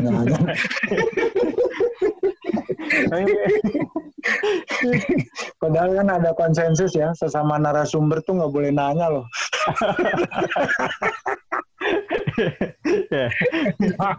Salam kenal ya Mbak Anissa. Ini saya kan kita pernah satu poster tapi belum pernah ngobrol. ya dan itu banyak sekali orang yang ini ya uh, memviralkan poster itu dan sayanya di crop. Jadi cuman pengen, lihat Mbak Anissa. Jadi nah baik uh, kalau kita lihat di sana uh, benar nih pertanyaannya apakah akan ada konsekuensi-konsekuensi kan kalau sekarang kita bebas memilih kebahagiaan itu adalah bagian dari salah satunya dipersyaratkan adalah uh, kebebasan kita untuk memilih keadaan. Misalkan itu bibit atau cikal bakal kebahagiaan. Sama sih seperti tadi saya cerita bahwa pada hakikatnya ketidakpastian itu menghadirkan kegelisahan. Orang makanya uh, coba lihat deh uh, perilaku agresi itu kan senantiasa melekat pada peradaban. Jadi kayak Indonesia saja tahun 50-an itu memperjuangkan zona ekonomi eksklusif melalui Perdana Menteri Juanda karena kita berbentuk kepulauan dan kita ingin zona laut kita yang di tengah-tengah itu aman. Maka kalau bisa dari batas atau landas kontinen kita ke sana lagi dong gitu. Misalkan 200 kilo itu supaya jadi zona kita. Nah, kenapa sampai hari ini PASEA dan itu tidak diratifikasi oleh negara lain yang bertetangga? Karena pikirannya juga sama gitu. Kalau Anda memperluas halaman, aku juga. Kenapa sih halaman itu menjadi hal penting? Karena semakin jauh daya jangkau halaman kita, kita makin merasa merasa nggak. Jadi rumah kita coba semakin luas, pagarnya semakin tinggi, kita merasa kan makin jauh dari potensi bahaya. Eh, yang bisa membahayakan kita tuh apa? Atrak atraktan factor. Maka orang semakin banyak harta kita katakanlah seperti itu semakin khawatir. Karena itu menjadi daya tarik bagi orang yang hmm. barangkali dan menjadi sumber dari rasa tidak aman kita. Maka kan kita bilang kenapa sih orang tuh semakin sejahtera makin antisosial? Hmm. kan gitu kan ya. Mau pagarnya makin tinggi CCTV-nya banyak satpamnya banyak eh, bahkan pelihara anjing Doberman gitu. Padahal kalau mau nyingsionan mah pelihara saya aja misalnya gitu. Kan kenapa gitu? Padahal sebenarnya kan harusnya uh, relasi sosial itu juga menjadi modal modal bagi dia. Gitu. tapi ada, ada dia merasa ada atrakan faktor yang bisa men, men, mengambil sebagian dari kebahagiaannya gitu. Rasa hmm. tidak aman. Maka dia begitu.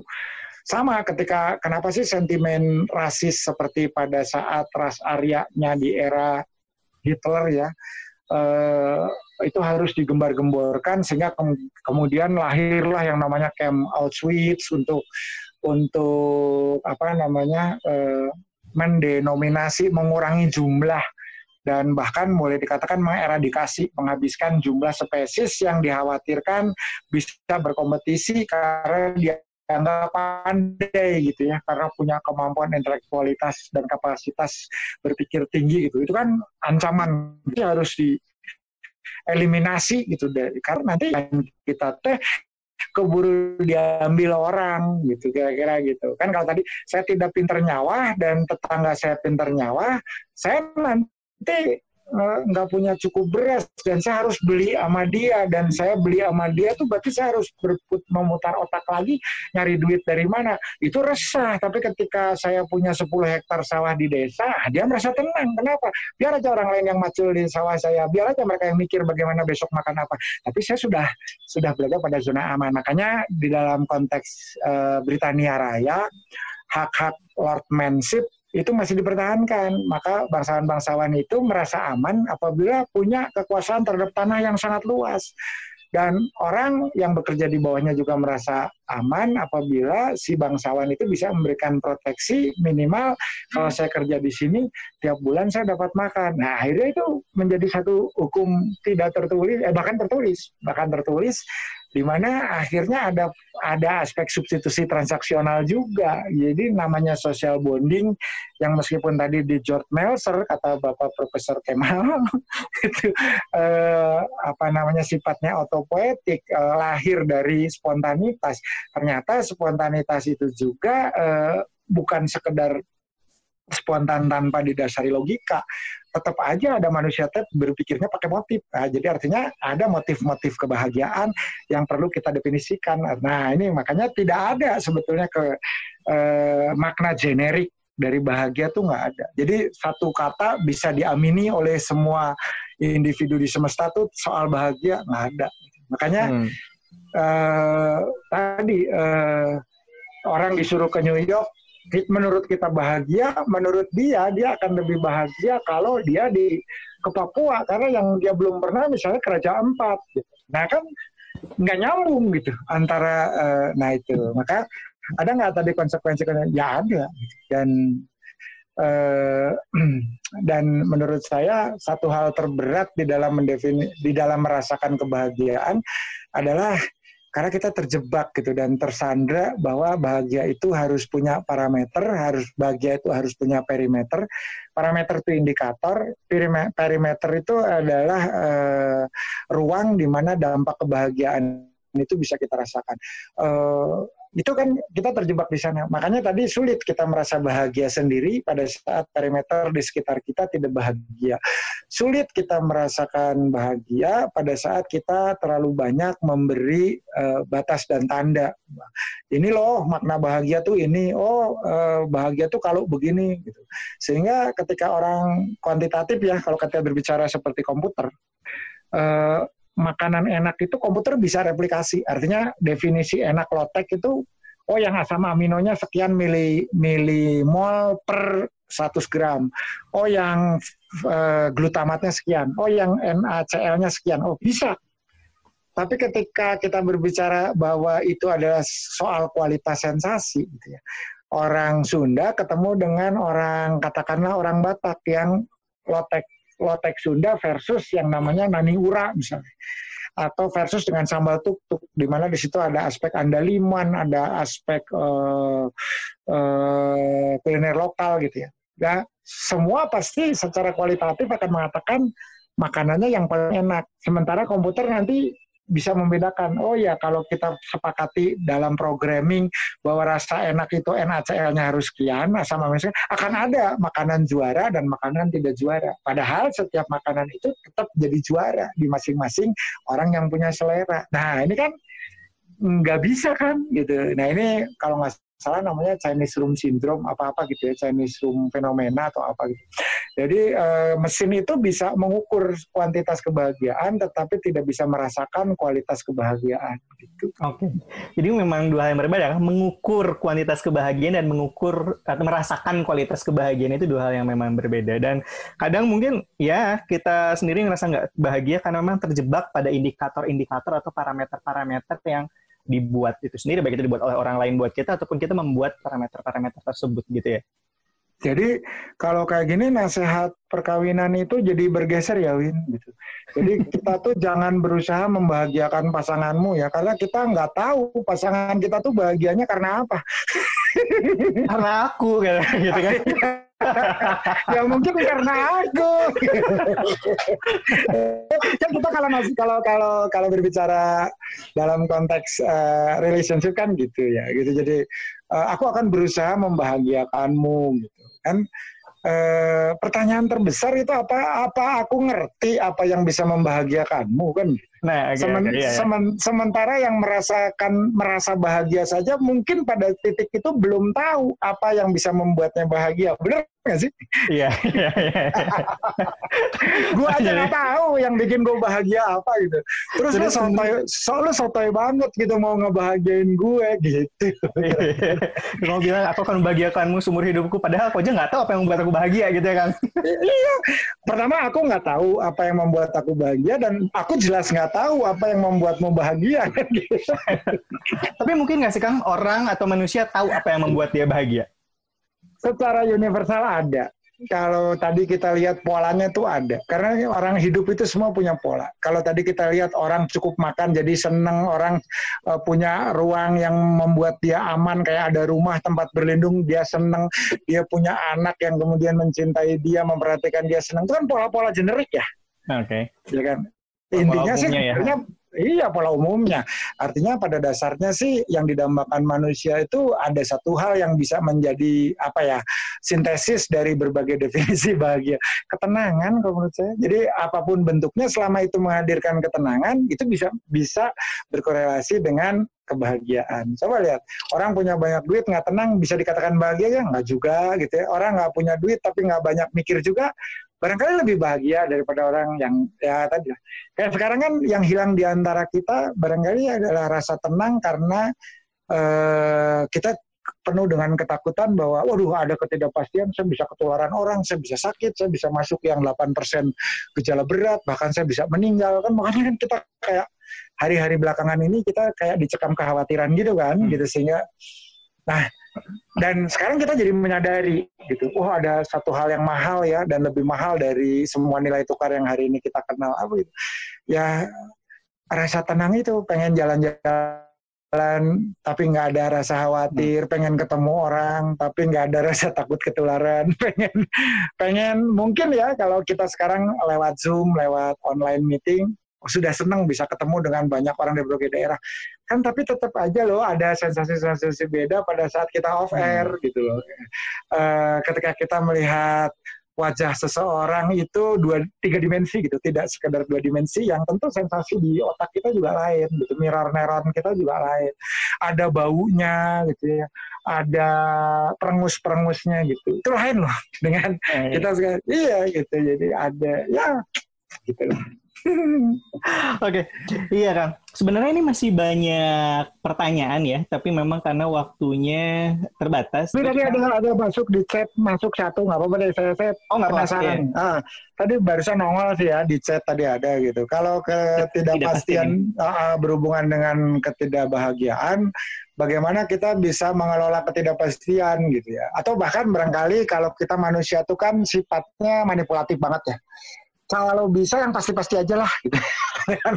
kita Pengennya manusia tidak, gitu ya manusia kan instan ya maunya gitu. semua persoalan dan potensi yang bisa menjadi persoalan kita eliminasi aja gitu makanya kan kalau bisa gue bayar gue bayar deh supaya pokoknya uh, ya misalnya gini corona mau pergi nggak? Dari dari Indonesia gue bayar berapa deh? Gitu misalnya gitu. Tapi kan ternyata nggak bisa ya, maksudnya kita nggak punya uh, metode untuk mengatasi masalah ini dengan uh, membayar dengan cara ya, membayar. Kalau mungkin ya, mungkin ada loh di dalam pemikiran kita, kita sogok apa sih supaya si corona tuh nggak usah lama-lama, kan nggak bisa gitu ya.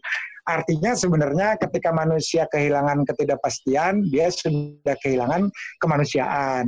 Artinya hmm. manusia itu kan tadi ketidakpastian adalah bahan bakar untuk kita terus berupaya dan mengembangkan sistematika berpikir, mencari solusi yang semakin mereduksi ketidakpastian. Itu kan upaya konkret yang kreatif dan memerlukan kemampuan berpikir solutif kan.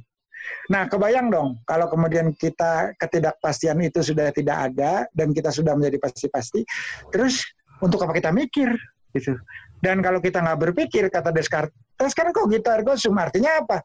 Eksistensi kita juga sudah nggak punya arti gitu. Kita udah nggak mikir, makan sudah pasti ada, kita nggak sakit, kita nggak akan pernah sakit, kita nggak akan pernah merasa dikecewakan orang karena semua orang tidak ada yang tukang bohong. Bayangin loh, Artinya orang yang nggak jujur itu juga sebenarnya karunia bagi kita gitu karena membuat kita merasakan sakit hatinya dikibuli misalnya gitu. Ya. Sehingga kita membangun mekanisme proteksi supaya nggak dibohongin orang. Kita membangun satu mekanisme uh, dengan langkah-langkah cerdas supaya tidak ditipu oleh orang, supaya tidak dibully oleh orang. Loh, itu kan achievement dan tanpa ketidakpastian kita tidak punya achievement padahal tadi kita mengkorelasikan achievement adalah bagian dari dari proses apresiasi atau reward pada diri kita sendiri. Lah kalau sekarang nggak ada kemajuan yang kita buat di dalam kehidupan, lalu apresiasi dan hadiah buat kita apa? Gitu ya hidup 80 tahun mati masuk surga enak bener gitu ya. Hidup tanpa sengsara mati masuk surga nggak ada orang jahat dunia ini simetris gitu ya. Aman-aman Semua, aja ya. Oh aman aja nggak ada yang nipu nggak ada yang uh, manipulatif nggak ada yang rakus semua saling berbagi gitu.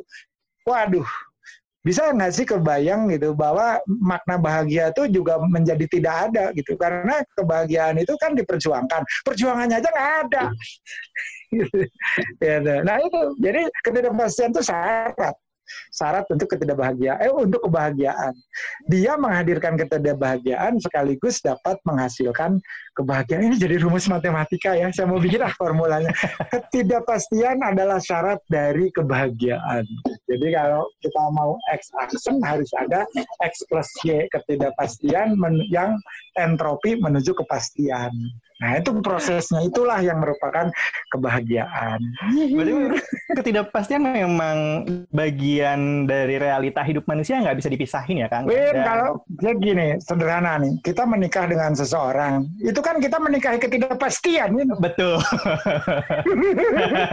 Terus nanti, aduh jadi takut dengan yang ketidakpastian, maka nggak menikah ya? Iya. Nggak ya, gitu kan, juga tapi kan?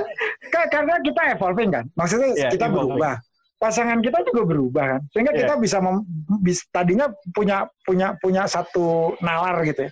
Oh, sifat dia tuh gini gini gini gini. Itu kan yang kita tahu. Begitu kita sudah bersanding 24 jam, observasi kita lebih mendalam, ternyata barangkali library kita tuh berubah total gitu loh. Yang kita kenal tuh dulu mungkin 5 persennya, ternyata 95 persen dari gunung es yang ujungnya doang kita nilai itu beda banget. Artinya apa? Kita kan e, menjalani hidup ini dengan ketidakpastian. Apakah kita berani memastikan meskipun sudah pakai helm jalan di kiri 40 km per jam uh, tidak akan disundul sama orang mabok? Kan enggak. Karena yang mabok bukan kita Nah kita nggak mabok gitu kan. Tapi apakah kita bisa mengatur di dunia ini pada saat kita mau berjalan naik motor orang mabok dilarang keluar? Nggak bisa. Mabok dilarang menubruk saya gitu ya? Ah gitu. Wah kalau semua sudah serba pasti, kalau semua sudah serba pasti, nggak usah pakai proteksi keluar hmm. saja tanpa helm. Keluar saja tidak usah pakai speed limit kebut-kebutan saja. Ada sudah dipastikan saya akan meninggal di umur 95 dan itu bukan karena kecelakaan gitu jadi, jadi coba bayangin hidup kita tuh nggak akan ada seninya. Kalau udah kayak gitu tuh ah udah. Udah saya mau koprol di tengah jalan juga. Kalau saya sudah dapat berita yang pasti bahwa saya tuh matinya nggak akan di sini gitu. Hmm. Uh, Justru karena kita was-was, justru karena kita khawatir dengan berbagai kondisi yang tidak bisa kita prediksi. Maka ketika kita pulang ke rumah dengan selamat, aduh, masya Allah, Win bersyukurnya dan bahagianya, Win. Yeah. Ke, kebayang nggak kalau kita udah dipastikan pergi dan pasti akan pulang dengan selamat? Ya pulang tuh hambar aja ya emang udah gue pasti selamat kok kan gitu nggak? Cuma begitu di jalan yang chaos di jalan yang banyak lubang di jalan yang ada truk kontainer dan saya masih bisa pulang dengan selamat itu kan ketemu sama istri dan anak tercinta itu kan meleleh air mata tuh ya Allah ini loh ini tidak bisa dibayar dengan uang tapi kebahagiaan sensasi yang seperti ini ya. Nah itu makna uncertainty. Okay. Berarti yang menjadi challenge adalah bagaimana kita mengelola diri kita, mengelola pikiran kita dalam menghadapi dan berdamai dengan ketidakpastian itu sendiri ya, Kang ya sebenarnya. Wah ini mindful banget ya konklusinya ya. Jadi kan challenge bagi kita untuk berdamai. Benar, itu kan mindful kan, mendamaikan yeah. segala sesuatu yang tidak bisa kita kendalikan. Benar. Benar, karena konsep mindful itu yang bisa kita moderasi kan diri kita untuk beradaptasi gitu. Hmm. Dunia tidak akan berubah kan gitu ya. Yeah, yeah. Kita yang kemudian eh, melakukan adjustment kan gitu ya. Siapa tahu dengan kita kemudian bisa seiring sejalan masuk pada frekuensi, kita menjadi enzim. Makanya sering mengatakan manusia itu enzim yang sifatnya katalitik. Kita tidak bisa secara frontal cukup energi untuk merubah suatu keadaan, tetapi kita bisa mengkatalisis sehingga reaksinya sedikit-sedikit itu akan menuju ke arah yang lebih baik. Nah, kan? Oke, luar biasa sekali diskusi kita tentang kebahagiaan hari ini. Dari bicara sesuatu yang tadi sifatnya filosofis, matematis, sampai dengan kimiawi, yang ada analogi hayatinya, tatanan sosial. Jangan lupa loh, jangan lupa ada filsafat Prabu Niskala Wastu Kencana Siliwangi terakhir. Kita kan ya, ya. orang Sunda. Ya benar, Sunda. Oke, ternyata dapat sebuah salah satu konklusinya adalah uh, bagaimana kita mendefinisikan bahagia itu juga yang membuat kita bagaimana kita merasakan bahagia juga ya Kang ya. Gitu. Jadi ya kita bahagia itu bagaimana kita mendefinisikan bahagia itu sendiri apakah memang melalui indikator-indikator tertentu atau dengan parameter-parameter tertentu atau bahkan mungkin bagaimana kita belajar untuk bisa tetap berdamai dengan ketidakpastian-ketidakpastian yang katanya ketidakpastian ah, itu benar benar membawa ketidakbahagiaan tapi ketika kita bisa berdamai dengan itu ya mungkin itu bisa bahagia juga. Dan ya kuncinya bagaimana kita tetap tenang bahkan di dalam kondisi yang memang carut marut dan tidak tenang mungkin juga gitu ya Kang ya. Iya. betul. Jadi gimana caranya bahagia silahkan bertanya sama diri sendiri. Karena kita tidak benar, benar. Kalau kita memberikan definisi bahagia itu kan kita diktator ya. Jadi artinya ya. nanti orang lain yang kebetulan indikatornya nggak sama sama kita jadi merasa nggak bahagia. kita jadi penjajah kebahagiaan orang. Oke, dan nggak usah menempelkan kebahagiaan kita pada kebahagiaan orang lain juga mungkin ya Kang ya. Jangan karena kita melihat orang lalu kemudian kita merubah merubah haluan navigasi hidup kita. Hmm. Oke, okay, jadi mari kita lihat ke dalam diri untuk mencari kebahagiaan kita yang sejati, gitu ya, Kang ya. Oke, okay. Kang Tohid, terima kasih banyak untuk diskusi dan pertemuan kita hari ini. mudah-mudahan buat teman-teman ya tadi mungkin ada beberapa juga yang kompleks tapi mudah-mudahan bisa memberikan insight buat kita semua karena ya ternyata manusia memang sekompleks itu gitu. Jangan-jangan gara-gara ikut diskusi kita mereka jadi tidak bahagia loh. Mudah-mudahan bisa tetap berbahagia ya. Di tengah bagaimana mencari kebahagiaan dalam diri ini. Oke buat teman-teman, uh, terima kasih buat teman-teman udah hadir. Kang Tahu juga udah terima kasih banyak udah mau berbagi tentang kebahagiaan gitu loh. Dan buat teman-teman, Makna Sarah kemarin baru aja rilis episode baru buat podcastnya tentang oh, iya, relasi. Iya, iya. Jadi teman-teman bisa lihat di YouTube atau di Spotify-nya kita diskusi tentang relationship goals. Keren, keren, keren. Sekedar relasi bersama Prof. Sawiti bisa dilihat di nah, channel Makna Sarah. Dan minggu depan kita ketemu lagi dengan Bahani untuk bicara tentang hal-hal baik yang bisa membangun kemanusiaan. Buat teman-teman yang mau join lagi, silakan join dan nanti pendaftaran akan dibuka di minggu depan. Oke Kang Toy, terima kasih banyak atas berbaginya. Moga pertemuan kita hari ini bisa membuat kita bahagia. Ya. Oke, okay. terima kasih banyak teman-teman. Saya lihat dulu ya teman-teman ya. semua. Mohon maaf apabila banyak salah dan kurang. Semoga pertemuan kita tidak mengurangi kebahagiaan kita bersama dan membuat kita lebih mengenal makna makna hidup kita lebih baik.